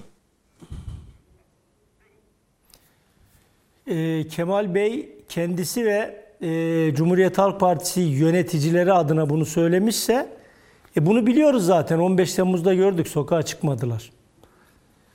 Yani e, yani 15 Temmuz'da sokağa çıkamayanlar şimdi mi sokağa çıkacaklar ya? Yani Tabii çıkması bu gereken Cumhuriyet Halk akşam çıkmıyor. eleştirilerimi Metin. Asıl çıkması, Aynen, sokağa yani çıkması onu- gereken onu zaman çıkmıyor. Olmaması gereken zamanda da çıkalım diye. Evet, e, çıkmaması gereken zamanda da sokağa çıkmak için e, şimdi değilse ne zaman diyen Selahattin Demirtaş'ın bugün hala cezaevinde neden olduğunu, neden tutuklu olduğunu çok merak ediyor. Madem sokağa çıkmaktan bahsediyoruz o zaman Kemal Bey'in de belki bilgisi yoktur. Bir kez daha söyleyeyim. 6-8 Ekim Kobane olaylarında HDP'nin Selahattin Demirtaş başkanlığında toplanan MYK'sında bir tweet attılar. Bundan böyle her yer Kobane'dir. Yani Aynel Arap'tır demiyorlar da Kobane'dir. Kobane'deki kuşatma ve vahşi saldırganlık son bulana kadar süresiz sokaklarda direnişe çağırıyoruz. Bu tweet'i herhalde bilmeyen yoktur ama Kemal Bey biliyor. Şimdi Demirtaş'ın bu tweetinden sonra Allah aşkına Kemal Kılıçdaroğlu'ndan niye sokağa çıktınız, sokakta ne işiniz var, ne yapıyorsunuz diye bir açıklama duydunuz mu ya? Ya kusura bakmayın da birileri aklımızda alay etmesin. Bakın sokaklar tehlikelidir. Sokaklar karanlıktır. Sokaklar kaosa ve kumpasa açıktır. Sayın Bahçeli'nin sokak eylemleri konusunda da her zaman yaptığı çok duyarlı açıklamalar vardır. Bunları bir kez daha hatırlatmış da olayım buradan. Şimdi sokağa çıkmak yani e, yakmak, yıkmak için sokağa çıkmak ya da e, Cumhurbaşkanlığı hükümet etme sisteminde evet verenleri İzmir'de denize dökeriz demek bunlar güzel şeyler değil ya. Ya da ülkenin seçilmiş Cumhurbaşkanına %51.8 yani neredeyse %52 oyla seçilmiş ülkenin Cumhurbaşkanına seni TRT'de yargılayacağız. Menderes'i hatırlatırız demek. Yani sokaktan medet ummak nedir? Bakın her fırsatta milli irade diyorsunuz. E o zaman sandığa güvenmiyorsunuz siz. Kardeşim gelin sandık önünüzde. Ne dediler? Erken seçim olmadan bu doları bir kuruş aşağı düşüremez dediler. Erken seçim mi oldu dolar düştü? Şimdi e, kaos, kışkırtma, tahrik e, bunlardan beslenmek gerçekten doğru bir Bu şey ihtimal değil. ya. olabilir mi peki Yani- Metin Özkan? Yani bugün Sayın Bahçeli ile Sayın Cumhurbaşkanı Ya da bu- biliyorsunuz bakın, yılın ilk görüşmesini yaptılar. Mutlaka bu meselelerde konuşulmuştur elbette. Bir saatten fazla uzun bir görüşme Mutlaka, oldu. mutlaka. Yani iki liderinde, iki liderinde e, kusura bakmasınlar ama çakal puslu havayı sevebilir de e, Bozkurt ayağa kalktığı zaman herkes de yerine oturur. O sebepten dolayı bu iki liderin de bir şeyden korkusu yok. Azdan az çoktan çok gider diyen iki lider. Ge- Geri vitesimiz asla yok. Asla geri gitmeyiz. Hep ileri hep ileri diyen iki lider. Kusura bakmasınlar da sokakla mokakla korkutulacak siyasetçiler ya da siyasi partiler değil. Ya zaten sokaktan gelmiş bunlar. Sokaktan mı korkacaklar? Sokaktan niye korkarlar biliyor musun? Bakın Allah korusun. Bu millet ki Türk milleti duyarlı bir millettir. Aç kalır, susuz kalır, ayakkabısız kalır. Çocuğunun üstündeki, bebeğinin üstündeki kundağı topa sarar, cepheye götürür ama asla devletine karşı direnmez. Bir PKK militanı gibi Yasin Börü'nün kafasını taşla ezmez. Bu millet duyarlı bir millettir. Bu millet devletine paralel devlet oluşturmaya kalkanlara, devletine isyan etmeye kalkanlara dur demek için sokağa iner. Askerine, polisine el uzatmaz. Ya da asker polis kıyafeti giymiş tabii buradaki teröristleri ayırt ediyorum. FETÖ'cüleri ayırt ediyorum. Ama askerine, polisine asla el kaldırmaz. Anıtkabir'de ağlayan askerinin ya da şehit cenazesinde ağlayan askerin gider senin bir damla gözünün yaşına kurban olurum diye o şehit babası o askerin gözünün yaşını siler. O sebepten dolayı bizim devlete karşı hani o demin de az önce onu söyledim yani direniş lafı direniş lafı yok biz biz direniriz. Biz Türkiye Cumhuriyeti Devleti'ne ve milli iradeye bundan sonra seni göndermek için muhalefete açık destek vereceğim diyen Biden'a direniriz. Bu ülkeye meydan okuyan Haçlılara direniriz. Ama biz asla seçilmişlere karşı sokağa inip direnmeyiz. Çünkü o oyu veren biziz. Deriz ki bekleriz. Biz sabırlı bir milletiz. Sandık gelir, gerekirse sandıkta cezalandırırız. O zaman Bakın, Kılıçdaroğlu sağduyulu bir açıklama yaptı. Yani bunu, Cum- bunu da takdir edelim. Ya Yani. bence bence ya bir şey demiyorum. Kesinlikle takdir ediyorum. Evet. Yani ama burada yine takdir ederken de ya hükümet bizi, Cumhur İttifakı bizi sokağa çekmeye çalışıyor diyerek e, sağduyulu Yine bir iktidarı zan altında bırakmak istiyor yani. Bir başka kışkırtmaya, onu diyorum, bir başka kışkırtmaya sebep oluyorsanız, buna bir zemin e, oluşturuyorsanız kusura bakmayın ama e, buna da Peki. Türk milletinin hiçbir ferdi, Cumhuriyet Halk Partisi'nin saygıdeğer oy veren seçmeni de müsaade etmez. Bunu da ayrıca söyleyeyim. Peki. Hızlı hızlı gidiyoruz. Mustafa Kurdaş'a döneceğim. Bu konuda notlarınız var mı? Sokağa çıkma ve iki Tabii tabii. Hem Sayın bir, Cumhurbaşkanı'nın e, hem- ekonomiyle ilgili. ekonomiye bir süreçte- daha dönmeyelim bence. Yani, Yani çözüm dönersek konuş- bence dağılı çöz- çözüm konuşmadığımız. Tamam vakit kalırsa o zaman gibi. çözümü bekleyeceğiz herhalde. Yani bu yılın ilk 6 ayında yani hani çözüm konusunda elbette beklentiler herkes iyi olsun diyoruz ama Vakit e, kalırsa şey vakit yaparız. kalırsa Tamam. belki son bölümde birkaç cümleyle orayı özetlemenizi isteyeceğim çünkü konu dağılmasın. Tamam. Ya bu sokağa çağrı ve Çünkü yani ben günlük tartışmalar üzerinden değil de mesele e, başka yani sistem ve düzen Ama bakımından da da yine girmek bu mesele O yüzden ama ekonomiden- bu e, anlamda e, sorunuz üzerinden devam etmiş olayım. söz vereceğim o konuda. Tamam. Bu çözüm konusunda ey- mutlaka. ey- eyvallah. Şimdi e, ben bir defa size teşekkür ediyorum. Gerçekten de e, güzel bir Teşekkür moderatörlükle güzel bir konuşma ortamı oluşturduğunuz için. Mesela ilk bölümde önce Sayın Erdoğan'ın açıklamasını okudunuz. Acaba dedim e, çünkü Meral Akşener'de Kılıçdaroğlu'nun açıklaması var mıydı? Okuyacak mı e, diye düşünüyordum. İkinciyi Yok, açarken yok, okudun. O, o yüzden de o Tabii. hakkaniyetli davrandığınız için teşekkür ederim. Yani burada herhangi bir savunma için söylemiyorum ama yani bir şeyleri tartışmak için o gün Karşı tarafı da neler olmuşsa lazım, her tabii. şeyi bilmek lazım. Seyircinin de bilmesi, izleyicinin de bizlerin de bilmesi gerekiyor. E, yani ben tabii burada gezi olaylarından aslında sokağa konuştuğumuz için söylüyorum. Sokak çözüm yeri değildir. Ama sokak tabii ki bir e, e, toplumun, insanların hakkını savunma yeri olabilir. Yani Demirel'in hani sözü var ya e, yollar yürümekle aşılmaz Hı hı. diye. Yani sonuçta bu gerekli olduğu zamanlar olur. Mesela bence gezi olayları süreci çok yanlış yönetildi.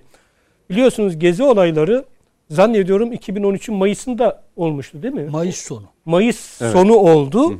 17-25'te 2000 Aralık 17-25 Aralık'ta e, 2013'ün sonunda e, cereyan etti. Yani o dönemde istihbaratta, emniyette hala FETÖ'nün var olduğu dönem ve gezi olaylarıyla ilgili ben zannediyorum zemin aslında o partiden bu partiden kişilerin oluşturduğu bir zemin değil.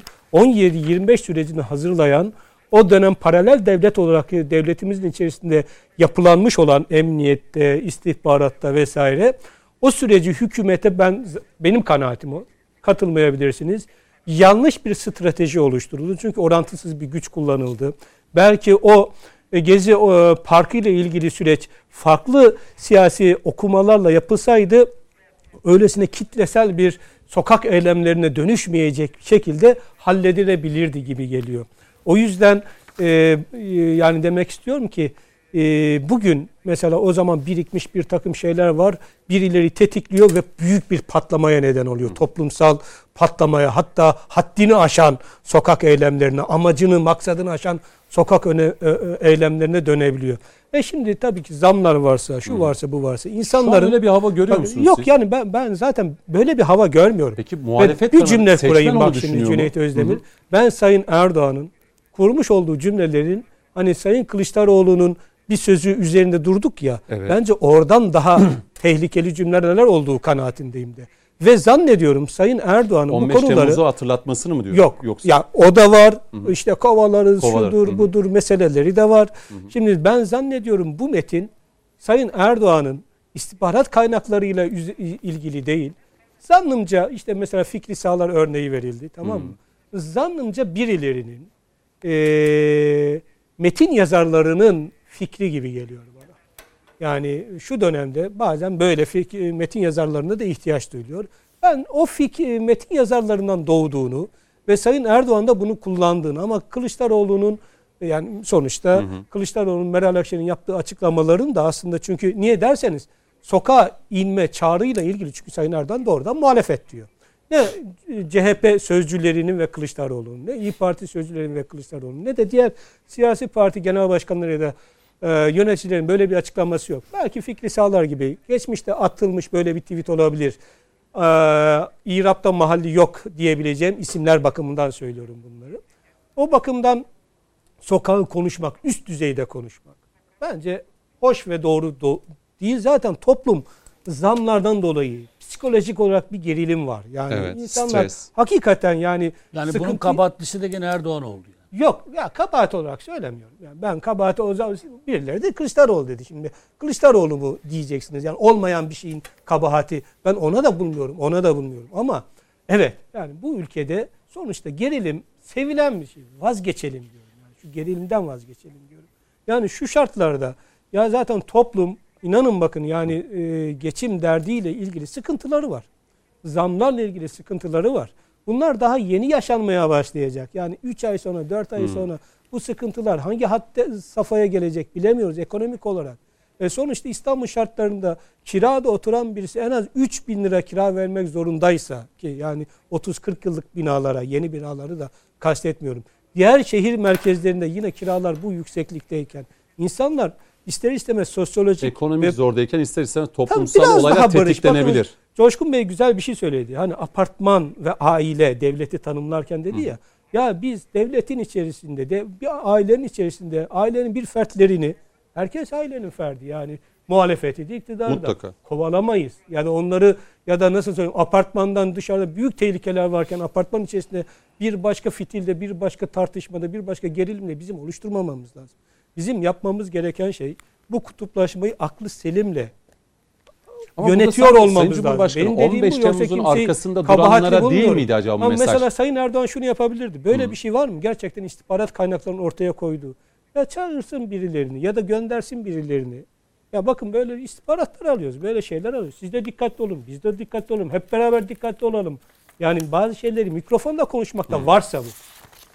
Mikro, mikrofonda konuşmakta çözüm olmayabilir. Peki. Çünkü e, Bir dakika bunlar daha veriyorum. hani eşeğin aklına karpuz suyu düşürme meselesi var ya toplum zaten sıkıntıda.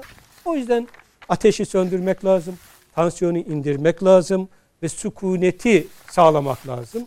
Bu da devlet olmanın, aile olmanın, aynı apartmanda yaşıyor olmanın bir gereği olarak ben doğrusunu isterseniz görüyorum. Şimdi e, Coşkun Başbuğ size döneceğim ki yeni konu başlığı.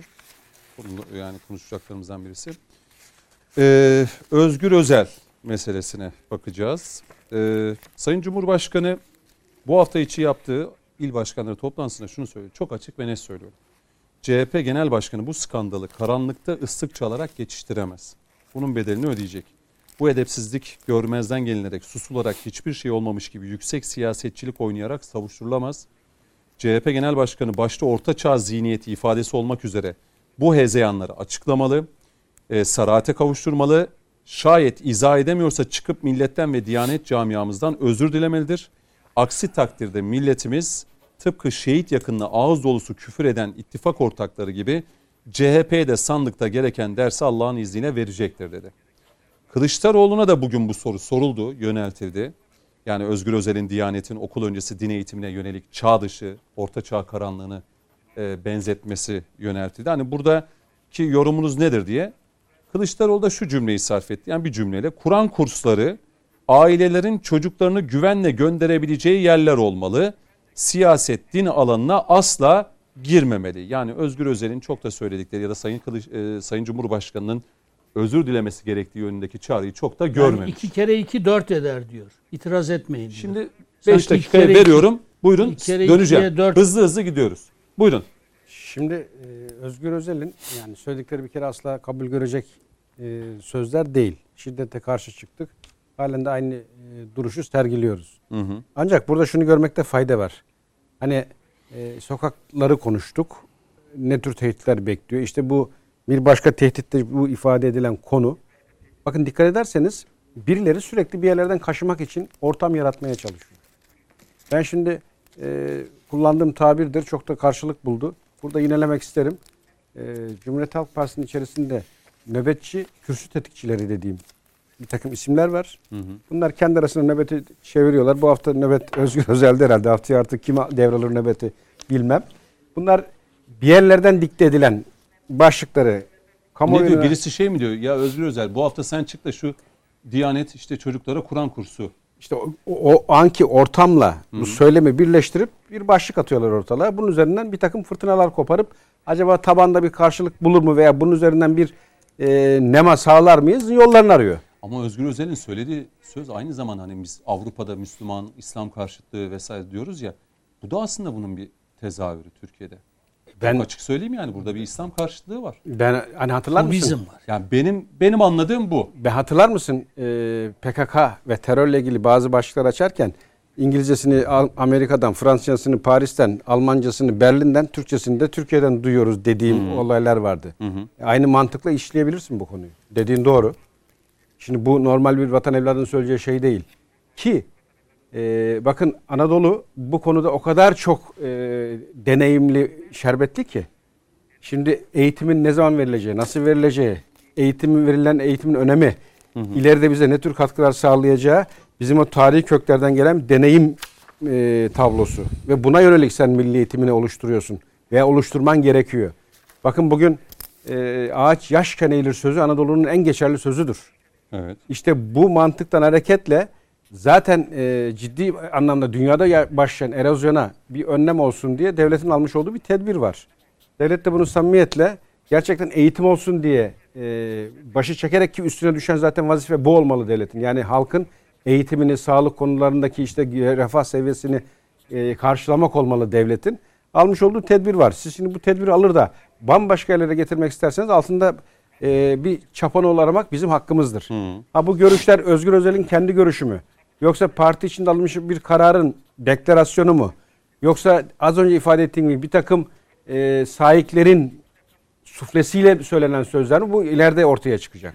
Ama ben bunların asla gelişi güzel Ya bu hafif alınacak bir söylem midir? Asla. Asla. Doğrudan bir kasıt var. Doğrudan bir kast var. Ve e, şimdi e, bakın Avrupa'daki Ya da Özgür Özel söyledi diye şaşırmayalım mı? şöyle yani millet Mesela Engin Altay'ın zaman zaman çıkışları var. Hani bazen o çıkışları yaptığı zaman ben diyorum ki çok da şaşırmadım. işte nöbetçi kürsü tetikçisi dediğim olaylar bu. Yani birkaç isim üstüne dönüyor bakın olaylar. Özgür Özel işte Engin Altay. Ondan sonra e, bir tane daha vardı isim. Şu an Engin Özkoç. Özkoç. Ondan sonra Öztrak gibi. Sayın Özkoç Bunlar- genelde hep sandığı söylüyor. Ha, ben bunlar- Twitter'da takip ediyorum hep sandık gelsin diyor da erken seçim. Ona verilen görev odur. O onu dikte ediyordur. E, buna verilen görev budur. Ama e, burada ifade ettiğim gibi e, doğrudan bir kasıt var. Hı hı. Ve e, önemli bir kasıt. Çünkü e, karşı ne ister biliyor musunuz? Yani dış güç. Hep adlandırıyoruz. İçi boşalmış, hiçbir manevi değer taşımayan bomboş bir nesil karşısına çıksın. Ve o da istediği gibi onu manipüle etsin, yönlendirsin ve alana hakim olsun. Amaç bu. Şimdi Milli Eğitim'in müfredatının içi boşaltılıyor, boşaltıldı e, kasıtlı olarak diye biz niye yırtındık e, FETÖ dönemi ve öncesinde? Çünkü ideal bir devletin yapması gereken şu. Manevi ve milli değerleri vereceği bir nesil yetiştirmek Evet. ve ona yönelik de geleceğe bir vizyon çizmek. Bunu hep Osmanlı yapmış. Mesela ben asker kökenli olduğum için oradan örnek vereyim. Askeri ilkokul Osmanlı döneminde açılmış. Niye? Askeri ilkokul. Çünkü ağaç yaşken eğilir. Alıyor. İlkokul, ortaokul, lise yetiştiriyor. Sahaya sürüyor. Bir daha bunun sırtı yere gelir mi? Asla. Askeri ortaokul. Ama en acı olan ne biliyor musunuz Coşkun Başbuğ? Diyor ki yani bu Diyanet'in işte öncülük edeceği. Ya buradan diyor bilimin B'si, matematiğin M'si, fiziğin F'si, kimyanın K'si çıkmaz diyor. İşte Kur'an-ı Kerim'in Türkçesini okusaydı Özgür Özel e, eğer hani iyi niyetliyse bunların hiçbirini e, söylemez. Artı bu sınırları söylediği için büyük bir utanç duyardı. Çünkü Kur'an-ı Kerim'in içerisinde her türlü bilimi bulabileceğiniz anlayana bir e, anlatım söz konusu. Dolayısıyla bilmeden, hiçbir bilgi tabanı olmadan e, direkt bir takım yerlerin suflesiyle veya sırf hamaset olsun diye söylenen sözler işte ancak böyle alay konusu olur. Peki. Ve e, bu sözlerin zaten e, sevindirici şu az önce ifade ettiğim gibi tabanda karşılığı yok. Hani kendi çaldı kendi oynadı ama burada hani karşı tarafın zihniyetinin anlaşılması açısından da bana göre çok önemli bir e, söylem. Bu söylemin arka planında neyin yattığını Yani bu milletin iyi değerlendirmesi lazım. CHP'nin genlerinde bir, bir, durup dururken bir anda bir şey çıkabiliyor. Ki tam tersini bakın eğer gerçekten milliyetçi, vatansever, Atatürkçü ise kardeşim doldurun, tarih bilgisi doldurun, dini e- değerleri vererek, eğitim vererek doldurun. Hani bu yıllardır tırmaladığımız gibi bu sorunları yaşamayalım. Niye biz 12 Eylül'de aynı e, milletin evlatları birbirini vurdu? Yani. Niye biz bunlara düştük? Çünkü o altyapıda eksiklikler vardı. Doğru. İşte onu gidermenin yolu da devletin almış olduğu tedbirler. Şimdi yine hızlıca tur yapıyoruz Sayın Metiner. Kılıçdaroğlu'nun Kur'an kursları ailelerin çocuklarını güvenle gönderebileceği yerler olmalı. Siyaset din alanına asla girmemeli diyerek çok da Özgür Özel'in söylediklerini hakarettir ya da toplumun değerlerine yönelik bir saldırı olarak çok fazla buralara girmedi. Bir cümleyle özetledi. E, şimdi Diyanet bildiğimiz yani Cumhuriyet kurulduğunda Diyanet'te Atatürk'ün, Atatürk'ün kurduğu bir kurduğu kurumlarımızdan birisi. anayasal kurum. Evet. Anayasal kurum. Yani Ee, Milli Eğitim Bakanlığı ile Diyanet arasında fark yok zaten. Tamam niye bu cümle? Yani bu ailelerin çocuklarını Yani bir güvenle de gönderebileceği yerler siyaseti bu olmalı. kadar çok olumsuzlaştırıp da siyaset yapan insanları anlamıyorum yani. Ne zaman bir konu gündeme gelse Hı hı. ve siyaset buna karışmamalı.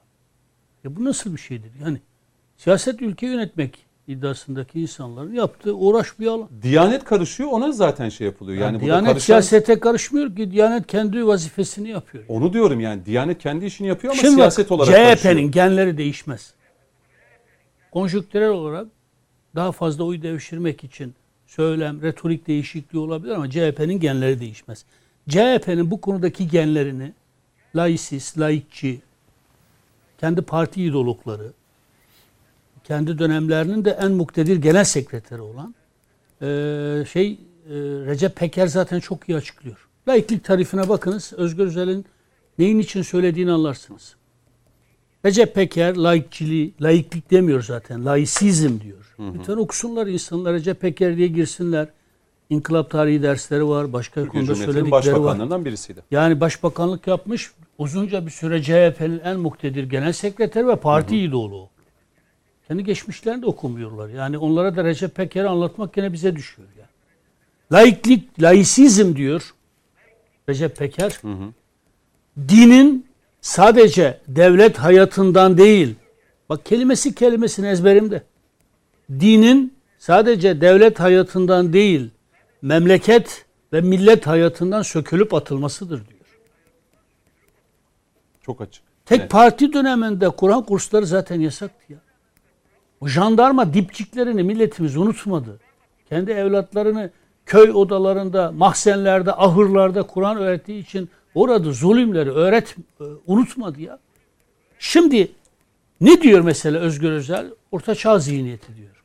Ya orta çağ zihniyeti e, yani kendisi bilmiyor ama Selçuklu medreselerine baksın, Nizamiye medreselerine baksın. Orada fen ilimlerinde Enderunlarda, medreselerde. Enderunlarda ya biz İspanya'da Endülüs Emevi devleti olmamış olsaydı Avrupa aydınlanması varlığını bile ona bir- borçlu. ya. benzetme Aristoları yapılmıştı. Avrupalı tuvaletin ne olduğunu bilmeyecekti ya Hela'nın. Aristoları bile bizim marifetimizde öğrenmişlerdi. Yani felsefeyi, Avrupa aydınlanmasına bakınız.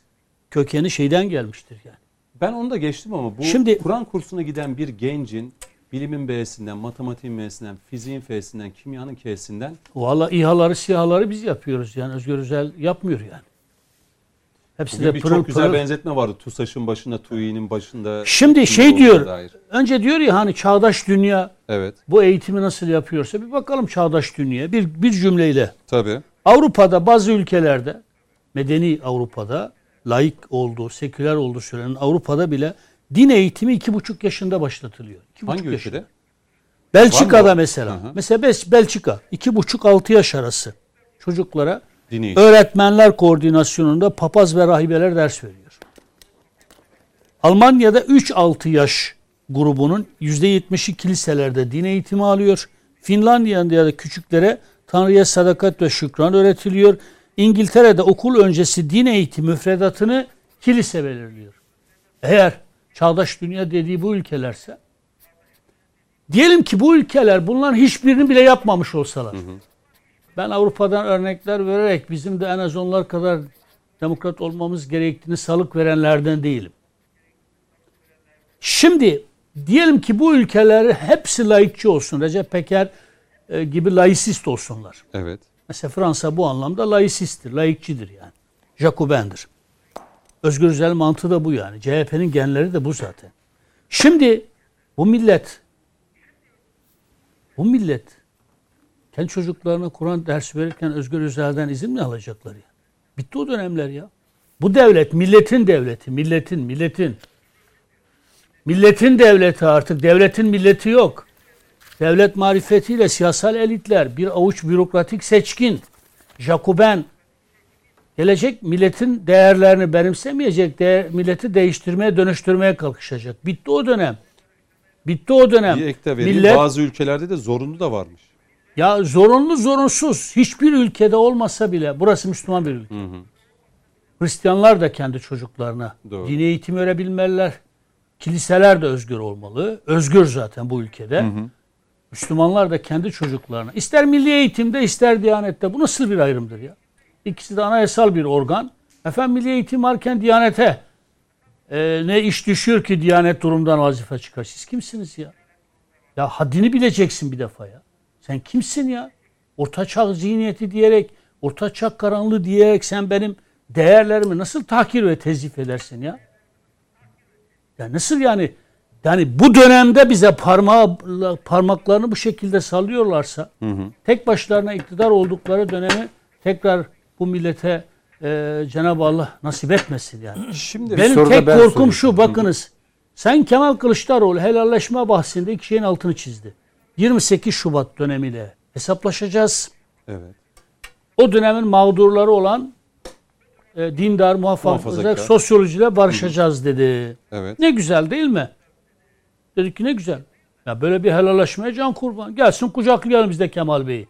E peki sen okul öncesi çocuklarımızın Diyanet marifetiyle Kur'an öğrenmesini ortaçağ zihniyeti olarak yorumlayan, değerlendiren, suçlayan bir yöneticini nasıl baş tacı edersin? Yani hangi CHP'ye inanacağız yani? Kimin CHP'sine inanacağız? E bir de CHP'nin 28 Şubat'ta durduğu yer de belli. Erbakan hükümeti alaşağı edildiğinde aldığı pozisyon da belli. 28 Şubat bin yıl sürecektir diyenlerle nasıl kol kola girdikleri de biliniyor. 27 Nisan e-muhtırasında da biliniyor. AK Parti iktidardaki parti kapatılmak istendiğinde de duruşu belli. Peki. Cumhuriyet mitinglerinde de kimin ön aldığı belli. Ama beni en çok üzen şey yani Erbakan hükümetinin devrilmesinde başrol oynayacaksınız. Sivil e, şey harekete geçtirecek. Cumhuriyet mitinglerinde de e, sırf eşinin başörtüsü olduğu için Abdullah Gül'ün Çankaya asla çıkamayacağını söyleyeceksiniz. Beni en çok üzen şey böyle bir CHP'nin genlerinin asla değişme ihtimalinin Dönüşemez mi? olmadığı bir CHP'nin hala bizimkiler üzerinden, bizimkiler tarafından Allah'ını pullanması, budaklanması, orasını burasını düzeltmeye kalkış. Kendi celladına aşık insanların muhafazakar dindar sosyolojisi içinden çıkması da bence Peki. e, e, Özgür Özel'in mantığı kadar üzücüdür yani. Şimdi Yine bir soru da ben sana sorayım. Hep sen mi soracaksın? öyle mi? Tabii. Bir de bir soru. arada sürelerinizi çok rahat evet. kullandığınızın farkındasınız. mi? Evet yani Hayır, son güzel. yerde kısaca. Birbirinize süre Evet. veriyordunuz, Evet. açıyorsunuz. Yok Buyurun. biz bir sonraki sürelerimizden yiyoruz. Hemen Ha. Allah, Şimdi mesela öyle. bu bahsettiğin isimlerin Özgür Özel işte Kemal Evet. Kılıçdaroğlu e, FETÖ döneminde hiç benzer bir eleştiri getirdiğini duydun mu? Çağ dışı Darbe veya öncesi mi darbe sonrası mı? darbe öncesi. Orada da böyle süreçler işlendi. Zaten o dönemde yani o FETÖ'nün medyasına vesaire gitmeler vardı, sahip çıkmalar vardı. Onları biliyoruz. Yani işte bu, bu tür faaliyetten en ufak bir söylem yoktur. Bir tenkit yoktur. Şimdi e, Tam tersi metiye vardır. Şimdi Sayın Kurdaş'a döneceğim. Sayın Özkan da hazır olsun. Ya şimdi hani diyoruz ya gerilim olmasın sokaklara kimse dökülme bunu konuşuyoruz. Yani bu Özgür Özel'in de bu açıklamasını ayrıca e, değerlendirmenizi isteyeceğim. Şimdi Sayın Kılıçdaroğlu'na bugün kameralar e, görüntülüyor, mikrofonlar uzatılıyor. Hem İBB teftiş hem işte e, Özgür Özel'in e, şeyi e, açıklaması hem bu sokağa çıkma gayet makul hani e, doğal bir şekilde e, spontane bir şekilde açıklamalarını yapıyor. Ama ne oluyorsa e, sosyal medya hesabından ya bir, bir şey bir dil kullanıyor. Bu şimdi bugün kullandığına şöyle bir baktınız mı? Bil- bilmiyorum Sayın Kılıçdaroğlu'nun bugün attığı tweetlere baktınız mı? Yani işte sarayı şöyle yapacağız. Her gün işte saat e, 10-20 arası halkımızın ziyaretini açacağız. Çoluk çocuk anne baba herkes senin nasıl bir şaşa içinde yaşadığını görecek. Şimdi altın musluk demişti, altın klozet demişti bilmem. Açıldı gösterildi. Yani e, Sayın Kılıçdaroğlu'nda da bir kirli dil, sert yani siyasette olması gerekenden çok daha sert bir dil yok mu? Ya devletin en başındaki isme ben Cumhurbaşkanı dediğini duymadım. Yani şimdi denilebilir ki ya Sayın Cumhurbaşkanı da Bay Kemal diyor. Şimdi Bay Kemal'le işte burada saray, şurekası, işte o şahıs yani Çok güzel bir noktaya geldin ama ben tabii Özgür, Özel'den Özel meselesine Hayır, neden ama söyledim? buradan Buradaki başlayayım. açıklamalarına bakıyorum Cüneyt- gayet makul. Cüneyt burada Twitter'da esip gürleyen bir Kılıçdaroğlu var. buradan başlayayım. Kir, zehirlik ve kirlilik var siyasette. Yani dediğiniz şeylerde başka başka şeylerde. Bu tek yönlü değil işte. Benim, benim anlatmaya çalıştığım bu. Mesela Adalet ve Kalkınma Partisi ilk kurulduğu günlerden beri biliyorsunuz uzun süre hep AKP deniyor. Hı hı. Herkes AKP'de. Erbakan Hoca da başta olmak üzere. Bizler de mesela. Ben biliyorum ki AK Partili insanlar AKP denilmesine çok kızdı. Doğru. Yani Adalet Parti Kalkınma deniliyor. Partisi'nin AKP'si yani. Hı hı. AKP denilmesine çok güzel. Biz bu değiliz. Bizim adımız AK Parti dediler. Şimdi bakıyorum. Mesela dediğiniz doğru. Yani ama öbür taraftan bakıyorum. Yani Cumhur İttifakı'nın unsurları da dönüyor bu tarafa. Yani bu ülkede mevzuata, kanuna, tüzükleri belli, programı belli. İşte e, şu kadar işte seçmeni var, oy vereni var. Millet tutuyor. Kendileri Cumhur İttifakı, öbür tarafı Zillet İttifakı. Şimdi bu aynı şey işte. Yani demek istediğim şey Türkiye'de yanlış olan bu. Yani dil kirli ve zehirli. Kötü bir dil. Eğer AK Parti, AKP denilmesinden rahatsız oluyorsan bir Cumhur İttifakı kanunen mevzuat gereği Cumhur İttifakı olarak kendini tanımlamış. Ama Bir saniye. şimdi kamuoyuna yapılan açıklama başka. Yok ya konuşmalarda Hayır, geçiyor. Zillet yok. diye geçiyor. Sosyal Şimdi medya- yani herkes Sosyal medyada ben bir Sayın. Cumhurbaşkanı, Sayın Bahçeli'nin Yani mikrofonda Hani- söylenen daha kötü. Yani mikrofonda söyleniyor olması daha kötü. Yani bir grup kendini Cumhur İttifakı, öbürü de demiş ki benim adım da Millet İttifakı. Öyle de. Niye Zillet İttifakı diyorsun? Yani buna gerek yok. Ya HDP ile bir kontağı varsa onu ayrıca eleştir. Sayın Yerden yere vur. Mesela niye millete zillet Ya konuşmasını Peki. bitirsin. Çünkü Yani HDP ile bir şeyi varsa e, şey yerden yere vur. Ya da Saadet Partisi. Mesela Saadet Partisi son belediye seçimlerinde bütün belediyelerde tek başına iktidara girdi. İttifakta bile yok. Ama bakıyorsunuz sanki ittifakın içerisinde bir partiymiş gibi hatta aday göstermemiş İstanbul'da şurada burada gibi bir takım yaklaşımlar gelişti. Onun için bu alanı biz temiz kullanmamız lazım. Temiz kullanmazsak doğru iş Peki. yapmayız. O- Sonuçta başkaları da başka Tamam. şey. Özgür Özel Şimdi Özgür Özel'e gelelim. geleyim. Çok yani hakikaten Özgür Özel vakası travmadır. Cumhuriyet Halk Partisi e, Özgür Özel e, meselesini halledebilecek bir yeterliliğe sahip olması gerekir. Bakınız Özgür Özel orta çağ zihniyeti demek suretiyle doğrudan doğruya batıda birileri karikatür çizmeye yeltenip Efendimiz sallallahu aleyhi ve sellemle İslam'la ya da Müslümanı e, bir terörist gibi göstermeye yeltenmesiyle Özgür Özel'in burada söylediği cümleler arasında hiçbir fark yok. Nasıl ki biz burada e, batıda bir Danimarkalı bilmem ne bilmem ne ülkesinden Charlie Hebdo'cu şucu bucu falan bir şey ortaya çıkıp da yanardağ gibi biz patlıyorsak Özgür Özel'e de aynı tepkiyi tabii ki en yürekten vermemiz gerekir. Çünkü nihayetinde verilmediğini görüyorum ben. Nihayetinde nihayetinde Özgür Özel'in bahsettiği orta çağ zihniyetinden kastı e, biliyorsunuz ist- kavramlar oluşturuluyor, algı kavramları oluşturuluyor. Uzun süre orta çağ diye e, İslam'ı temsil eden, Efendimiz sallallahu aleyhi ve sellemi anlatan bir kavram ve kurumsallaşan bir kavram haline getirildi. Yani diyor ki Diyanet İşleri Başkanlığı'na, Başkanlığı'nın yaptığı bu çalışmaya e, bunu vesile göstermek suretiyle siz diyor e, gerici, yobaz, mürteci bir takım işler yapıyorsunuz diyor. Ve aslında gericilik, yobazcılık, mürtecilik, ortaçağ zihniyeti gibi kavramlar doğrudan doğruya inanca saldırmayla ilgili konulardır. Bu bakımdan Özgür Özel'in hep söylüyorum yapmış olduğu açıklama bir zavallılıktır. Acınacak bir durumdur Özür dilemeli mi? e, özür dilemelidir. Hatta Cumhuriyet Halk Partisi Genel Başkanı ve yönetimi de aynı şekliyle ben tepki göstermeli ve Cumhuriyet Halk Partisi yönetimini de hayır. O kendi kişisel şeyidir gerekirse. Bizim görüşümüz bu değildir. sürçülisan etmiştir, bilmeden söylemiştir. Hadi diyelim eski alışkanlıkla söylemiştir gibi ciddi tepkiler ortaya koyması gerekir. Kaç gün oldu bu Bakın- açıklama yapılalı? Bildiğim bir hafta Yani neredeyse bir ben hafta olacak. tamamlayayım da yani e, ben maksadımı şey yapayım. Bakınız Orta Çağ dedikleri çağ İslam'ın çağı değildir. Orta Çağ dedikleri çağ İslam'ın yükseliş çağı.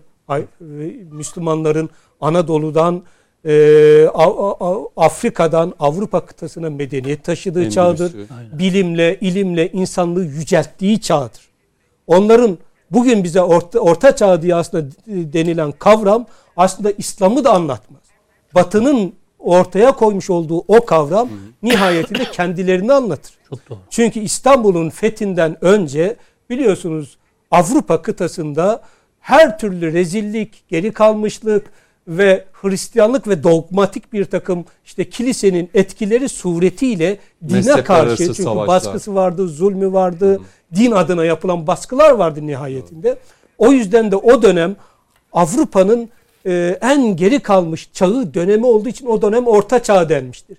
Zaten Fatih Sultan Mehmet Han Hazretleri yani İslam yani Osmanlı bu izzetli millet bir medeniyeti İslam unsurlarından geçirmek suretiyle o orta çağı kapatmış, Tamam. yeni bir çağ açmıştır. Normal şartlarda bizim aslında yine burada da bir kavram kargaşasını hemen ortaya koyalım. Bu yeni çağda, aydınlanma çağı da genellikle Avrupa'nın yükselişi diye tarif edilir. Bizim de yıkılış dönemimizdir bir bakıma. Bizim kullanmamamız gereken kavramlardır. Özgür Orta çağı? Hristiyanlar da kullanmalı, Müslümanlar da kullanmalı. Peki- Ama yeni çağ dediği onların zulüm dünyasını yeniden inşa etmeye başladıkları. işte biraz önce bahsetmeye çalıştım ekonomide kapitalizm, faiz, vergi düzeni, ni- nitekim e, biliyorsunuz bu orta çağdan bunlar nasıl çıktılar? Nasıl tanımladılar? 100 yıl sonra baktılar Avrupa'daki bir takım gelişmelere. Oradan Avrupa'da bir takım gezginler İslam ülkelerine, İslam O coğrafyalarına gittiler. Amerika'yı keşfettiler. Şu oldu bu oldu. Nasıl İstanbul'da düştükten sonra onlar bir çaba içerisine girdiler. Gezdiler, gördüler ve İslam alimlerinin bütün ilimlerini, edebiyatını, bakışını, o medeniyetin bütün unsurlarını az çok kopyalamaya başladılar. Evet. Ve nihayetinde sanatta şurada burada bazı keşiflerde İslam alimlerinin bulmuş olduğu ilimler çerçevesinde ortaya koydular. Ve nihayetinde dediler ki bu Rönesans ve reform hareketleri nedeniyle orta çağ yani bizim karanlık çağımız batmıştır, kapanmıştır. Aslında o İslam'ın yükseliş çağıdır çünkü. Ve yeni çağ başlamıştır diye tarif ediyorlar. Biz tabi bu Cumhuriyet Halk Partisi batılılaşma üzerine kendini hep kodladığı için İttihat ve Terakki'den beri hep bu kod üzerine yol aldığı için bu kodla da Yani devam ediyor. Özgür Özel öğrendiğini anlatıyor aslında. Ya da Ezberini, öğretmeni mi? öğrendiğini yani onlarca yıldır bunu Ama yapıyor. gerçek CHP bu zaten genetiği. Öğrenen. Şimdi tabii öğretilen. yani şimdi burada tabii Bir şöyle bir dakika şey var. veriyorum. Ben Buyurun çok Sayın özür dilerim. Aha. Şimdi bakınız ben bazen anlatıyorum bazı şeyleri. Çünkü birilerinin yaptığına değil bizim yaptığımızı da bakmamız gerekir diye bakıyoruz ya hep. 1950 sene 2021 71 yıl geçmiş. Çok partili seçimlere girelim. Bu 71 yıl içerisinde sağ partiler, Demokrat Partisi, Anavatan Partisi'ni, Adalet Partisi, AK Parti, Doğru Yol Partisi'ne kadar sağ parti varsa yani Milli Selameti, koalisyonları falan hepsini birden katarak sayıyorum. Sağ partiler e, nihayetinde bu 71 yılda 60 yıl iktidar olmuş. Bunun 6 yılı gününü sayını toplayın CHP, SHP, DSP'sini vesaire. 6 yıl so- sol partiler iktidar olmuş. 4 yılda ara rejimler var 10 yıl. O 10 yılı çıkarın 60 yıl sağ. Hani ben hep derim ya kardeşim tamam CHP 6 yıl iktidar olmuş. 71 yıldır aslında 60 yılında biz iktidar olmuşuz. Ne yapmışız diyorum. Öz eleştiri olarak. Öbür taraftan dönüyorum şimdi CHP'ye. Ey CHP. Bu 71 yıl içerisinde 60 yıl boyunca niye seni bu millet iktidara getirmedi bir düşün. Buna göre eğer bir şeyler yapacaksan yap. Özgür Özel'le ilgili eğer e, bir tavır koyamıyorsan bu millet seni zaten yine iktidara getirmeyecektir. Nitekim e, e, Recep Peker örneğini verdiniz. Evet. E, biliyorsunuz bir, bir- 1945 ile 50 yıl özellikle 1946 seçimlerinden sonra aslında milletin istikameti belli olmuştur. Demokrat Parti'ye yönelik. Buna buna bu çerçevede o yıllarda biliyorsunuz İsmet İnönü Cumhurbaşkanı olarak adımlar attı. Aslında sağ seçmene işte e, çünkü tek parti iktidarı döneminde büyük işte Me- Mehmet Metin Arabi'nin anlattığı o zulümler, hakikaten şiddet zulümler, baskıların olduğu ortamda ne yaptı? İmam Hatipleri açtı, İlahiyat Fakültesi açtı, sağcı bir CHP'nin içerisinden bir e, Şey çıktı, başbakan çıkarttı. E, hangi derginin genel Şemsettin Günaltay'ı başbakan Şemsettin yaptırdı. Günaltay örneği çok önemlidir. Yani aslında belki de Kemal Kılıçdaroğlu'nun bugün helalleşme diye atmak istediği bir takım işte Çünkü niye? Çünkü sol CHP 35'i geçemiyor. Çok Nihayet. merak ediyorum. Kimle helalleşmek istiyor şimdi? Bakıyorum Ha Sayın şimdi ben ha 28 Şubat'la ilgili şimdi bakınız aslında e, Mehmet Metin Er Bey doğru şeyler söyledi ama eksiklerinde ben tamamıyım. Yani 28 Şubat süreci Cumhuriyet Halk Partisi'ni temsil eden anlayış cidden bu süreçte ciddi anlamda e, Türkiye'nin dinamiklerini harekete geçirdi. Ama bakınız FETÖ çıktı Kanal D'ye. Ve hatırlarsanız İmam Hatiplerin kapatılması gerektiğini, Cumhurbaşkanı Süleyman Demirel'in doğru yaptığını, Erbakan'ın beceremediğini ve gitmesi gerektiğini anlattı. Milliyetçi Hareket Partisi ve diğer bütün siyasi partiler yani Do- Doğru Yol Partisi için diğer bütün siyasi partilerin tamamı da sadece CHP dersek eksik söylemiş olabiliriz diye. Tamamı da 28 Şubat süreci sonra. Çünkü Erbakan 28 Şubat gecesinden hemen sonra bir takım siyasi parti genel başkanları tamamen Muhsin Yazıcıoğlu ve Tansu Çiller hanımefendi hariç diğer bütün siyasi partileri de tabii Say- Sayın Yazıcıoğlu'nu 28 Şubat kararını rahmetli tabii Sayın Çiller'i de ziyaret etti ama diğer partileri de ziyaret etti ve dediler dedi ki hoca o günkü şartlarda 9 gün boyunca hatırlarsanız tek tek hepsini gezdi. Bugün bu bize yapılıyor, yarın da size yapılır. Gelin sivil cephe oluşturalım deniyor. Ama o sivil cephe oluşmadı biliyorsunuz. Hemen hükümetler kuruldu vesaire. Cumhuriyet Halk Partisi dediğiniz gibi çok etkin rol oynadı o anlayış. Peki. CHP tüzel kişiliği yoktu ama o anlayış bakımından söylüyorum. Sonuçta DSP'si vardı. Deniz Baykal'ın küçük CHP'si falan vardı o zaman için. Ama diğerleri de aynı şekilde o tavrı maalesef koydular. Onun sıkıntılarını yaşıyoruz aslında biz. Peki, Bu bir bakımdan bir zihniyet değişikliğine Türkiye'de bakın kısmi- sağda da solda da ihtiyaç var. Peki. Onu da ben bir hakkaniyet çerçevesinde Ee, söylemiş Metin, olayım. Metin Özkan'a döneyim. Bu konuda kendisinin de Ya mutlaka herhangi bir siyasi var. partiyi de hedef almak için söylemedim ha. O zamanki konjüktür. Orayı peki. tam bir Peki. okuyalım diye söyledim. Metin Özkan da e, bu konuda söyleyecekleri var. Notlarını aldı. Buyurun Sayın Özkan. Kaç dakikamız var Cüneyt? 6-7 dakika verin bir tur daha yapacağım. Kaç dakikam var? Ben hesaplıyorum şu anda. Peki. bir tur daha yapacağız ama. Öncelikle Mustafa kardeşim, e, değerli dostum, çok eski arkadaşım. e, Orta Çağ konusunda söyledikleri şeylerin altına imza atıyorum. E, Güzel şeyler söyledi. Tabii kendisi gazetecidir. Bir siyasi parti temsilcisi değil ama bir, duymadıysam özür dilerim. Saadet Partisi'nden bir şey geldi mi? Tepki Geldi, geldi, tabii mi? yazılı açıklamada yapıldı. Çok Bu arada Sayın bir. Karamollaoğlu Tamam. şu an hastalık hasta. dönemi. Atlamış Şu an olabilirim. Covid dönemi. Nasıl durumu? Çünkü Şu an nasıl? Evde istirahat olsun. halinde hemen Evet. bilgisini vermiş olayım. Bugün çünkü telefonla da konuştum. Evet. Ee, e, evdeyim, istirahat Kaçıncı halindeyim. gün bugün? Covid'in belirtileri olarak da Evet. sadece bir halsizliğim var. Diğer belirtileri yok inşallah olmaz diyelim. Ee, durumun iyi Peki, olduğunu geçmiş ifade olsun diyelim. Temel Bey'e geçmiş olsun diyorum. Temel abiye geçmiş olsun. Şifa dileklerimizi Temel Bey'e geçmiş olsun diyorum. Ee, ama duymadığım için e, sordum Mustafa'ya haksızlık etmeyeyim diye ama ben bugün İyi Parti'nin grup toplantısını dinledim. Bu konunun hiç uzağından yakından geçmedi. Tıpkı şehit ailesinin bacısına küfreden milletvekiline bir şey söylemediği gibi. Ben o milletvekillerine de aynı tepkiyi gösterdim Yani- bu arada. Takip edebildiysen Metin Özkan. Ben seninle seninle ilgili biliyorum. Yok, seninle biliyorum. ilgili biliyorum. Ee, ben İyi Parti'nin grup toplantısını dinlediğim için söylüyorum. Şimdi e, yani bu orta çağdan hep karanlık adamlar çıkıyor. Niye? Dini öğrendikleri, Kur'an'ı öğrendikleri, İslam'ı ya da kendi dinini öğrendikleri için ama bugün iki gün önceydi galiba bütün televizyonlarda bir haber vardı. NASA bile ilahiyatçı alıyor artık. Şimdi Sayın Cumhurbaşkanı da Sayın Bahçeli de bu konuda grup toplantılarında ve diğer toplantı, e, katıldığı toplantılarda e, Özgür Özel'e gereken tepkiyi en üst perdeden verdiler. Ama bugün Kemal Bey'e bu soru sorulduğunda Kemal Bey Sayın Bahçeli'nin milliyetçiliğini sorgulamakla yetindi. Kimse kusura bakmasın ama Sayın Devlet Bahçeli milliyetçiliğinin zekatını verse hem Kemal Bey hem Cumhuriyet Halk Partisi'nin yönetimi e, ihya olur. Bunu da buradan söylemiş olayım. Bu kafa zulüm 1453'te başladı diyenlerin kafasıdır.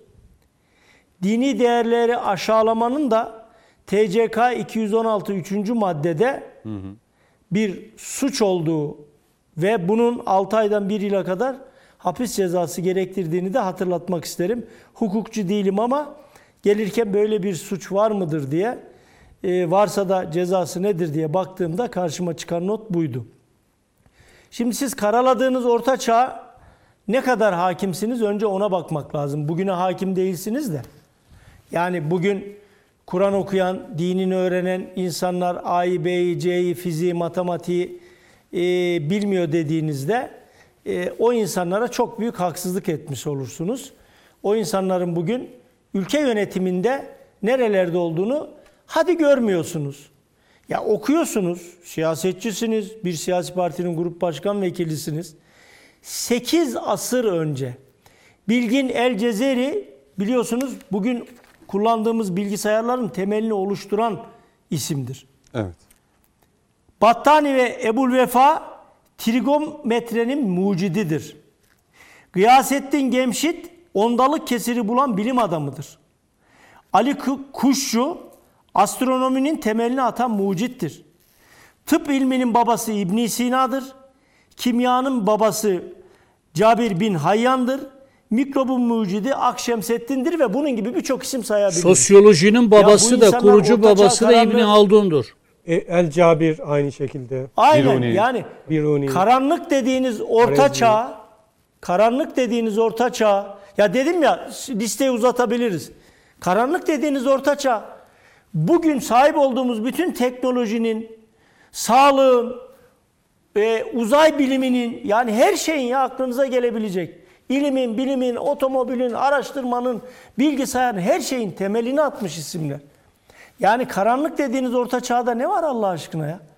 İnsanların Hristiyan ya da Müslüman Ya Metin. Özkan yıllardır öğrenmesi- gazetecisiniz. Bir soru yönelteceğim. Yani- Yo yo. Şimdi Özgür Özel'in bu açıklamasını satın alan var mı?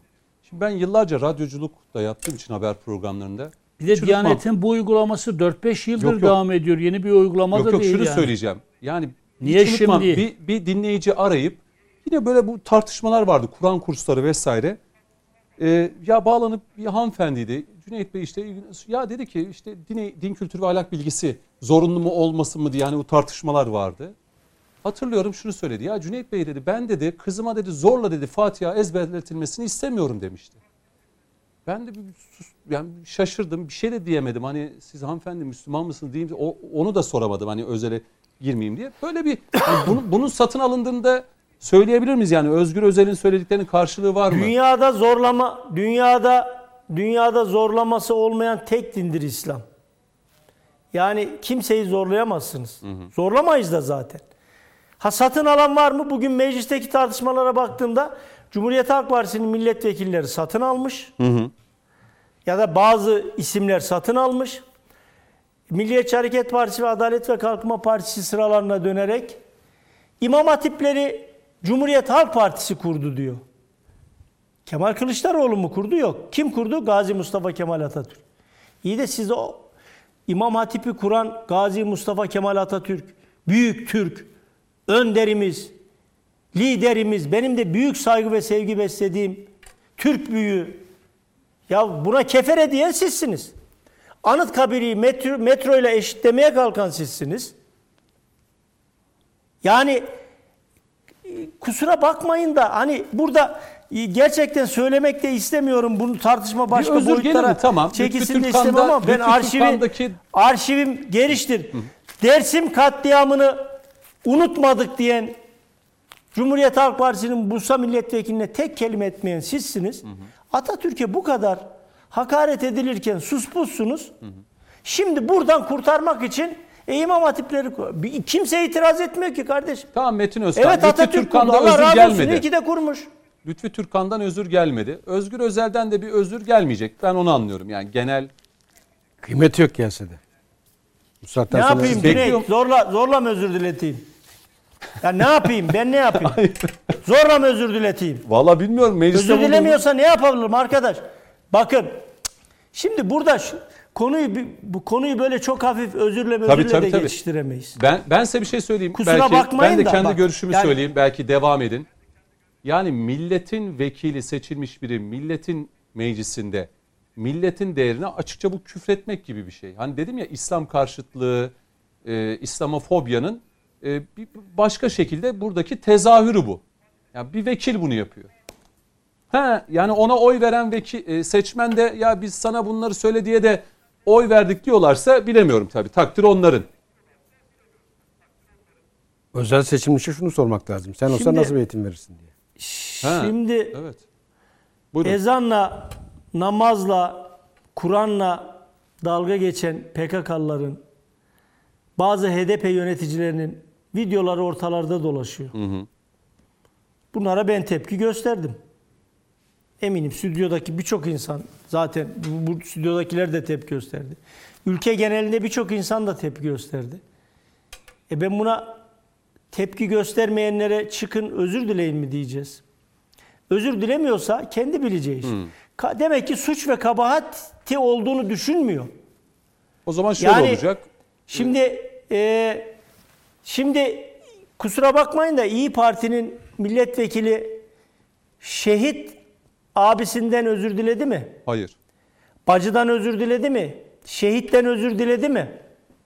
Genel başkanım ve tüm hanımefendilerden özür, Özür diliyorum. dilemek bırak önce ben bunu Söylememem yapmadım dedi. gereken. Evet yapmadım dedi. Doğru. Yani önce İnkar etti. yapmadım dedi. Ya de, Böyle de ki sonuna baktık. yani. Ora, oraları geçtim. Mustafa oraları geçtim. Geldi sonuca. Baskı oldu. Özür dile dediler. Özür diledi. Kimden özür diledi arkadaş? Yani bakın e, ben Cumhuriyet Halk Partisi'nin saygıdeğer seçmenine hiçbir lafım yok. Bu fütursuz konuşmaları yapan yöneticilerin hiçbir zaman seçmeni bağladığını da düşünmem. Evet.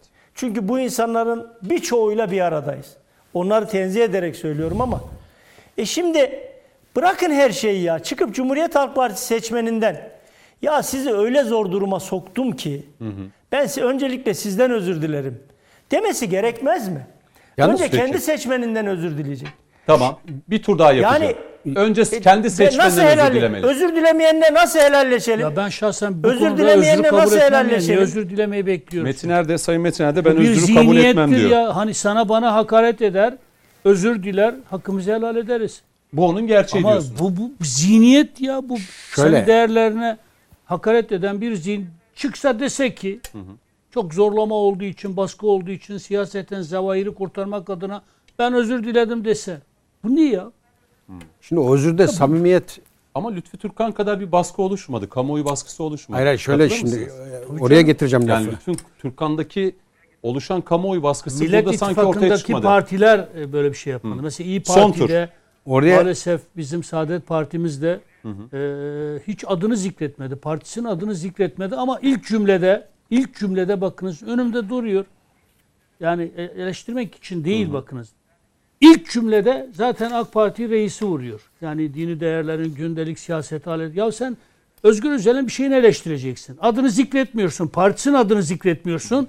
İlk giriş cümlesi, ilk giriş cümlesi adrese teslim. AK Parti hükümeti Sayın Cumhurbaşkanımız. Şimdi Ya böyle Sayın bir şey Kurdaş'a olur o zaman Evet. gazetecilik O açısından zaman bir ben soru de yönelteyim. toparlayayım. Tamam. Mehmet Bey bana biraz 3-4 dakika fırsat vereceğim. Bizim gene Mesela gitti arada. Cümle, yo yo vereceğim Yo, yo. son tur 3-4 dakika. Tabii Mesela ben Milli şimdi- Gazete'de ya- bu açıklama manşette yer buldu mu? Milli Gazete'nin birinci sayfasında üçte biriyle büyük bir tepkiyle karşılandı. Peki. Milli Gazete Genel Yayın Yönetmeni en etkin bir şekilde bu konuda açıklama yaptı. Saadet Partisi sözcüsü ve bütün Saadet Partililer aynı tepkiyi koydu. Sayın Karamollaoğlu'nun da hastalık süreci işte malum olduğu üzere aynı şekilde söz konusu. Şimdi bunu tutup da bu konuyu da getirip Saadet Partisi ile ilişkilendirmek o zaman şöyle bir şey söyleyeyim. Mehmet Metiner Bey, siz Bakara suresiyle alay etmeye yeltenen, vatandaşı AK Parti kadrolarından, AK Parti yöneticilerinden, Cumhurbaşkanından hangisi ve kimler tepki gösterdi? Ve kendisi bugün Prag'da, aşk şehrinde büyükelçilik yapıyorken içiniz rahat mı? Bakara suresiyle Ben alaya yeltenen. Öbür cümle taraftan okuyayım. bir saniye. Öbür Yani- taraftan tutuyorsunuz mesela 28 Şubat'la ilgili bir şey ilişkilendiriyorsunuz mesela. Bizim arkadaşlarımıza niye bunlarla birlikte diyorsunuz? Açtı, açacağım ben. Evet. Milliyetçi Hareket Partisi, e, Vatan Partisi ile siz niçin birliktesiniz beyefendi? 28 Şubat'ı konuşuyorsunuz. Peki, peki Şimdi orada durun. Hayır cevap vermedim. Ben size cevap vermedim. Ben Yok, sıra bana yok. gelince konuştum. Tamam. Ben sıra bana moderatör sırayı bana verdi. not konuştum. alıyorum. Not Bu alıyorum, konuya not girmeyecek. alıyorum. Size gelince ararsınız. Ben de bana gelince tekrar cevabımı veririm. Şimdi bu tür yaklaşım doğru değil. Tamam mı? Siz Saadet Partisi'nin kodlarını, Saadet Partisi tabanının hassasiyetlerini ve onun bütünüyle kucaklayıcılığını ve bu konudaki hassasiyetlerini belki de şu stüdyoda hatta belki de şu kişiden çok daha iyi, net ve berrak Doğrudur, bilen bir doğrudur. Çok da saygı Ama duyuyorum. bunları şık diye böyle. Yani. Niye şık Bak değil ben ya? size tekrar söylüyorum. Ya, siz cevabınızı o zaman verirsiniz. Ben bir çünkü karşılıklı konuşunca ben ben, burada sa- sizi üzüyorum. Sizi üzmek istemiyorum. Tamam? Ben biraz e, söz bana geldiği için konuştum. Siz sözü 10 gelince geçe bitiriyorum konuşursunuz. 15 dakikamız var. Ama nihayetinde son tur. Bakara suresiyle Hürriyet gazetesi bile gereğini yaptığı zamanın Aydın Doğan grubundayken o kişinin görevine son verdi. E peki bu milletvekili niçin hiçbir hem tepki göstermediniz? Varsa söyleyin, deyin ki şu tepkiyi gösterdik deyin. Hem de adeta ödüllendirdiniz ve gönderdiniz Prag'a. Büyükelçi olarak devletimi temsil ediyor. Herhangi bir partinin birisi bu. Benim devletimi temsil eden adam. Bakara suresiyle Kur'an-ı Kerim'le alaya yeltendi. Herkes haddini bilecek. CHP'li de haddini bilecek. Bu işi yapan AK Partili de haddini bilecek. Buyurun Sayın Metiner. Şimdi bir, Bakara Makara konusunda o eski Sayın Bakanımızın, yeni Büyükelçimizin söylediği şey bu ses kaydı bana ait değildir. Nitekim, la- Herkes her şeyi biliyor. nitekim yapılan laboratuvar tetkiklerinde o ses kaydının da kendisine ait olmadığı belgelendi. Herkes onu o zaman Dolayısıyla ben Mehmet Mete olarak fikrimi söyleyeyim. Eğer o ses kaydı, o fikirler kendisine ait olmuş olsaydı onu seleme, selama dahi değer bulmazdı. Ee, kim yaparsa kim diyor yapsın. da diyor bunu? He? Kim diyor da diyor? Herkes biliyor ki o tapeler. Bir diğer O husus. tapelerin doğru olduğunu herkes biliyor. Ben Saadet Partisi'nin Saadet Partisi tabanının görevine? ben Saadet Partisi'nin Saadet Partisi tabanının benden bin kata duyarlı olduğunu inananlardan O biriyim. zaman niye dakika, yıpratmaya bir dakika. çalışıyoruz? Bir dakika dur. Kimseye Sanki biraz yıpratmıyoruz. kişiselleştirmeye başladınız Bir gibi. dakika, bir Ben- dakika. Ben, Ben- öyle hissediyorum. Ya bir, bir Evet, cümle evet. aktaracağım. Evet, ben kendimden bir cümle aktarmıyorum. Kapatabiliriz. Yani Özgür Özel bir demeç veriyor. Evet. Onun üzerinden Özgür Özel CHP'nin grup başkan vekili. Ve siz bunu eleştirmek için Saadet Partisi adına kamuoyuna bir duruk, duyuru kalemi alıyorsunuz. Evet. Kötü mü ediyorlar? Çok iyi ediyorlar. Bir, Binlerce kişinin paylaştığı bir bir duyuru. dakika canım kardeşim bir şey demiyorum. Ya niye işte bu kadar tahammülsüzsünüz ya? E Sabahtan akşama kadar. Aynı şeyi sen bana yapıyorsun. Sevgili Mustafa, sabahtan akşama kadar Milli Gazete'de de, her yerde de, her platformda da Sayın liderimizi Erdoğan AK Parti suçlarsınız. Biz savunma bir yaptığımızda eleştiriye açık olun derseniz. Bı- Bırakın da yani Saadete Sayın hiç- Cumhurbaşkanı icraat Ya bakanı bir dakika elbette Saadet Partisi'ne hakaret mi ettim ben? Ne yaptım yani? Konuşmayalım mı yani icra makamı. Ya yani. bir cümleyi okumama izin vermiyorsun Evet, bildiriden aynen. ya. Tamam da biraz Cümleyi önce sen aynısını Buyurun. yaptığın için yapıyorum. Yani. Bir, Özgür Özel'in adını almıyor. İki, partisinin adını almıyor. Üç Süleyman Soylu'yu katıyor değil. Mustafa Bey bir izin verin ama siz de şu anda resmen Sayın Metin'i Yardımcı ol. Bir tarafta Yardımcı olayım. ama yok hissediyorum. bir tarafta olarak bildiriden okuyorum. Aha. Bir tarafta tüm yanlışlarının üzerine değerlerimizi istismar ederek Evet. bakınız ağır bir suçlama bu. E, a- Halbuki Cümleyi de okuyun ama. Tamam, bir dakika Süleyman. Soylu'nun cümlesini okuyalım o zaman burada. ya bir dakika Özgür ya Özel'i Allah'ım. tartıştıysak buyurun Süleyman Ya biz diyelim ki Özgür Özel'i tartışıyorsak münhasar münhasıran onunla ilgili bir demeç vermek yerine niye illa da AK Parti onu bunu karıştırarak dengelemeye Sen çalışıyoruz peki ya? niçin CHP ile birlikte Saadet'i konuşuyorsun sürekli? Ya burada CHP'yi savun. niçin sürekli CHP ile E konuşuyorsun? Çünkü sen CHP ittifak halindesin. Ben Ne değilim ki. var? Ne alakası var? Bir- Ya bir- Saadet bir- Partisi ile CHP Beyefendi, ittifak halinde değil mi? Açıklanmış herhangi bir ittifak yok. İlan edilmiş herhangi Ya bir sabah ittifak akşam yok. sabah akşam E, biz evet. CHP'yi eleştirdiğimizde CHP'lerden daha fazla siz savunuyorsunuz Hiç ya CHP. Saadet Partisi şey diyor, biz Biraz muhalefet hakkımızı mı kullanıyoruz daha net, diyorsunuz? Daha oturaklı, daha da yeri ayağı yere Cümlemi- sağlam basarcasına. cümlemi Ezber tamamlıyorum. cümlelerle değil delillerle Lütfen. konuş. Bir tarafta tüm yanlışlarının üzerine değerlerimizi istismar ederek. Etti Çok ağır çünkü. bir suçlama bu. Etti çünkü. İstiskaldır. Cümleyi okumuyor Örtmeye ama çalışanlar- cümleyi. Diğer Tamam, tarafta ise okuyun Sayın milletimizin hassasiyetlerini bunca tecrübeye rağmen hala idrak edememiş olanlar var. Yani burada da Özgür Özel isim zikretmeden Süleyman eleştiriyor. Soylu'yu da zikretmemiş. Ya Süleyman Soylu Ya şimdi ya. Süleyman Soylu'yu konuşmuyoruz. Ben şunu ama- söylüyorum. Niye Hayır, konuşmuyoruz? Bir Şimdi bu, bu Saadet Ben şunu- kurumsal MHP niye? Hayır, MHP ile Vatan Partisi'ne gelince Evet. biz 15 Temmuz'a varıncaya kadar MHP ile de Vatan Partisi ile de ideolojik siyasi düzeyde kıyasıya çok kıyıcı bir biçimde de karşı karşıya gelmiş partileriz. Ama 15 Temmuz'da yeni bir hat oluştu. PKK FETÖ onların iplerini elinde tutan Türkiye operasyon çekmeye geç, e, çalışan Sadece güç odaklarına Vatan Partisi karşı. ve MHP'yi dedim. Eksik söyledim. FETÖ'de 10 yıl birlikteydiniz. Ya tamam siz hala berabersiniz ya. Yok. Sümme Ya Mustafa bak haşa. yani suçlamaya ayıp edersin. suçlamayla Bak, cevap ayıp edersin. vermeme. Ama sen ayıp ediyorsun. Ben başka bir şey biz hiçbir bir soruna bir cevap veriyorum ya. Bizim hiçbir zaman bir arada olmadığımız en iyi FETÖ'cüler. Allah'ım ya Rabbi. Peki. Şimdi Diğer iki E, konuyu tam, bekliyor tamam şu ben anda. cevap veririm. şimdi MHP AK Parti 15 Temmuz'da yeni bir milletin oluşturduğu bir siyasi hatta buluştular. Evet. Vatan Partisi de ülkenin ekonomik siyasi bağımsızlık savaşında Erdoğan liderliğini önemsediğini Ve destek deklare verdiğini. etmiştir. Destek verdiğini söylemiştir. Yani bundan rahatsızlık duymak yani diye. 28 Şubat'a Şimdi AK Parti destek veren vermeyen diye mi ölçeceğiz? 10 15 Temmuz'dan sonra FETÖ PKK gerçekliği aleni bir şekilde ortaya çıktıktan sonra onların iplerini elinde tutan devletlerin güç odaklarının Türkiye nasıl bir operasyon çektikleri göründüğü halde kendini başka ittifakların içerisinde konumlandırıların eleştirisi farklıdır. Niye siz 15 Temmuz'dan önce MHP ile böyleydiniz de 15 Temmuz'da böylesiniz diye e, Sebeplerini değerlendirmek doğru değil. Bir beka sorunu. Do- doğru Türkiye değil. yönelik tehditler. Yani Ve bu kapsamda aslında o yeni kapıda bir ruh oluşmuştu. Yani tüm liderler oradaydı. Hatta ben şeyi de hatırlıyorum. Tüm Belki liderler Yo, değil. Şöyle yo yo. Herkes çağrılmış. Saadet Partisi çağrılmamıştı. Bir dakika şeyde. Tam A- konuşalım. Şey, yeni Her kapı şey yeni kapıdan konuşalım. sonra 19 Mayıs. CHP Genel Başkanı Kılıçdaroğlu da çağrıldı ama Saadet Partisi çağrılmadı. Şöyle söyleyeyim. 19 Mayıs 1919'un 100. yılında. Yani sizden Hayır, sadece Samsun'da bir fotoğraf verildi. şunu Orada- rica ediyorum ya. Heh, O doğru. Orada Türkiye İttifakı O doğru. diye de manşetler atıldı Doğru. gazeteler. Saadet- ben de Saadet- Milli Gazete'de en etkin bir şekilde verdim. Tamam. ama. Tamam. Yani şimdi Niçin bunu istiyorum çünkü. anladım. Bunu iktidarıyla muhalefetiyle aynı fotoğrafı vermeyi, bir arada olmayı ben Milli Gazete olarak istiyorum. Yani siz, siz şunu söylüyorsunuz. Biz muhalefetteyiz. Ya niye muhalefet biz- edeceğiz diyorlar. ya muhalefet değil mesele muhalefet Niye? meselesi değil. Hayır hayır.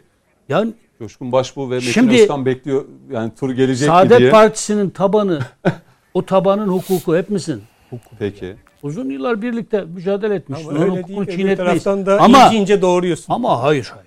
Şimdi İnce bu ince dil doğruyor. Ben iki Bu tarafın dil- da birbirini ince ince bu doğruladığını dil- Yo, ben çok net Bak- konuşuyorum. Bak Saadet Partisi kendi argümantasyonlar üzerinden AK Parti eleştirirse bunu çok anlamlı ve değerli buluruz. Ama CHP ile bir safta Erdoğan'ın alaşağı edilmesine bir şey katkı yapalım. sağlarsa Bir yere gideceğiz. bu siyaset milli Tamam. görüşün Bir siyaseti saniye. Bir dakika, burada da farklı Dur bir bir dakika. Ben döneceğim. Şimdi güzel bir şeyi ekrana Bir- getireceğim. Tamam, Sayın bir- Kurdaş. TOG'un lansmanı var şu anda Amerika'da. Bir oraya bir dönelim şu anda tüm kanallar oraya döndüğü için. Ben de açıkçası yeni model değil mi sevgili yönetmenim? Evet hatchback modelinin şu anda e, Amerika Birleşik Devletleri'nde hangi kentte arkadaşlar bilgi de alayım.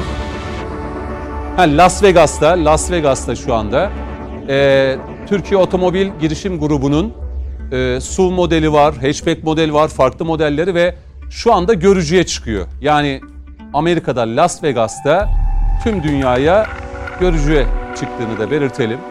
E, 2023 yılının ilk aylarında da banttan çıkacak bu otomobiller. Yani 100 bin 100 bin adet Sipariş. tok siparişi Peki. verdi. 100 bin adet. Bu yeni model hatchback bu arada. Şimdi böyle tam da siyasi belirlediler mi? tartışmayı yaparken Ben de talibim buna.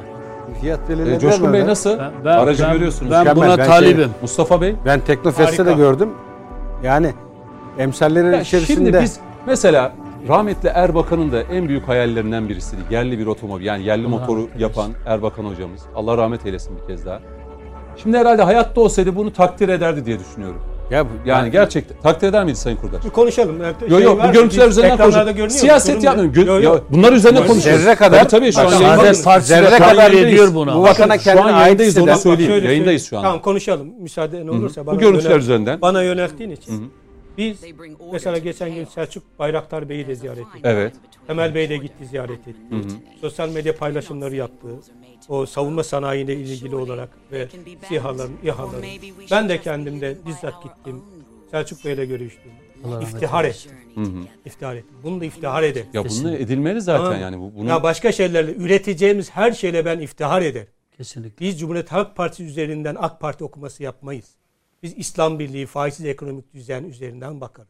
yine İsrail siyaset yapıyoruz. Şu görüntüleri bakarız. bozmayalım. Hayır hayır şeyi söylüyorum. Üretim üzerinden bakarız. Yani bu konuyu konuşuyorum.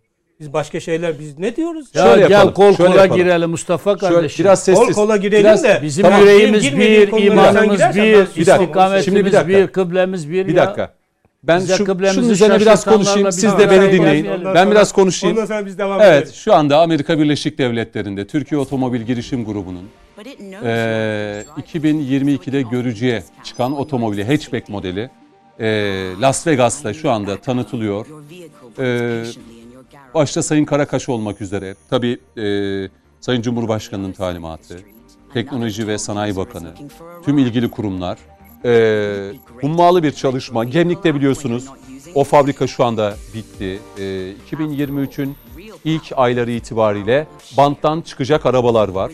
Rakam da belli şu an itibariyle ve şimdiden eee, bu otomobillere ilk gösterilen eee SUV modeliydi. Şu anda ekranlara gelen hatchback modeli. Ben de bir yakından baş- bakmak istiyorum açıkçası. Şöyle bir eee, evet.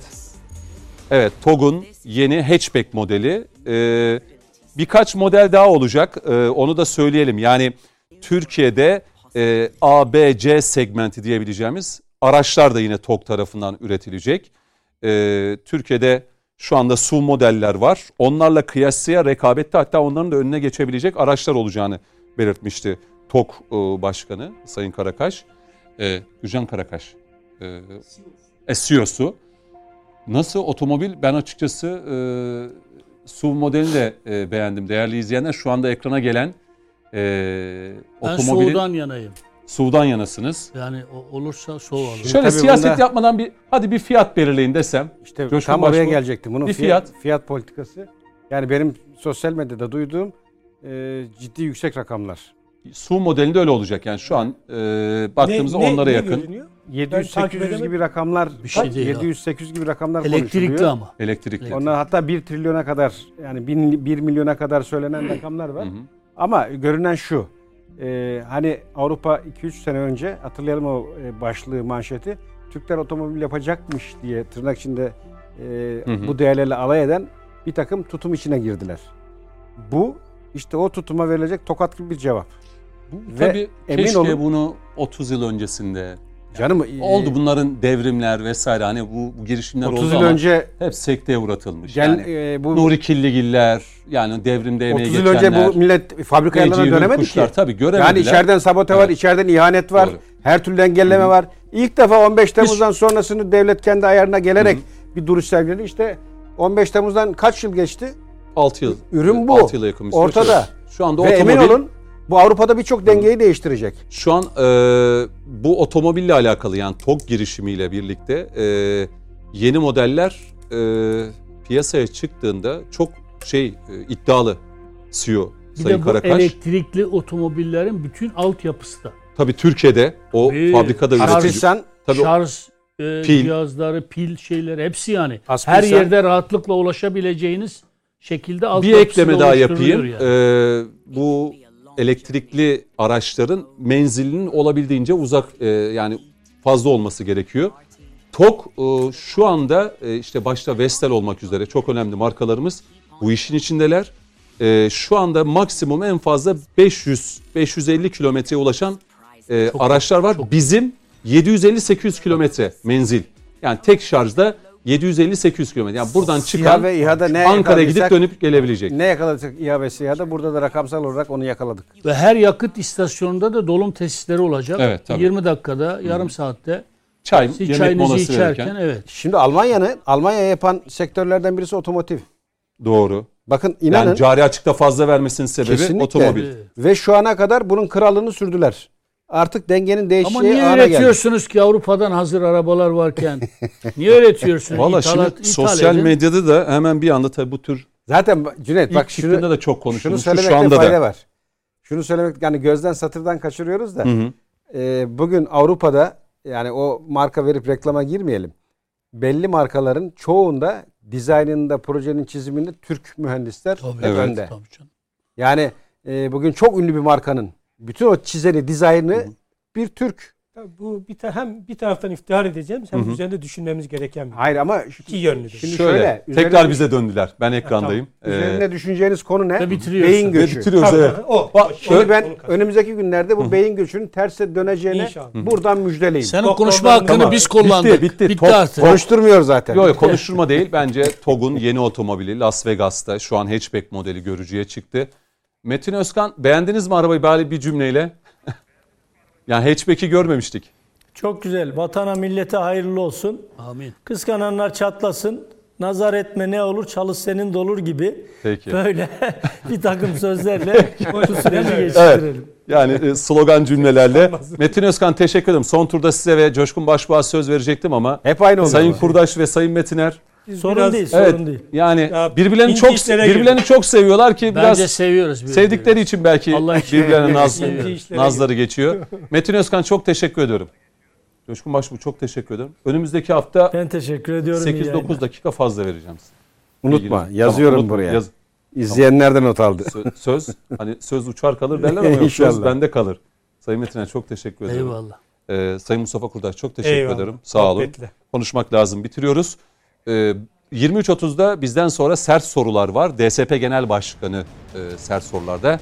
e, sevgili Tağ'ın konu olacak efendim. Bizim program tekrarda gece yarısı. Kaçıranlar izleyebilirler. Hoşçakalın.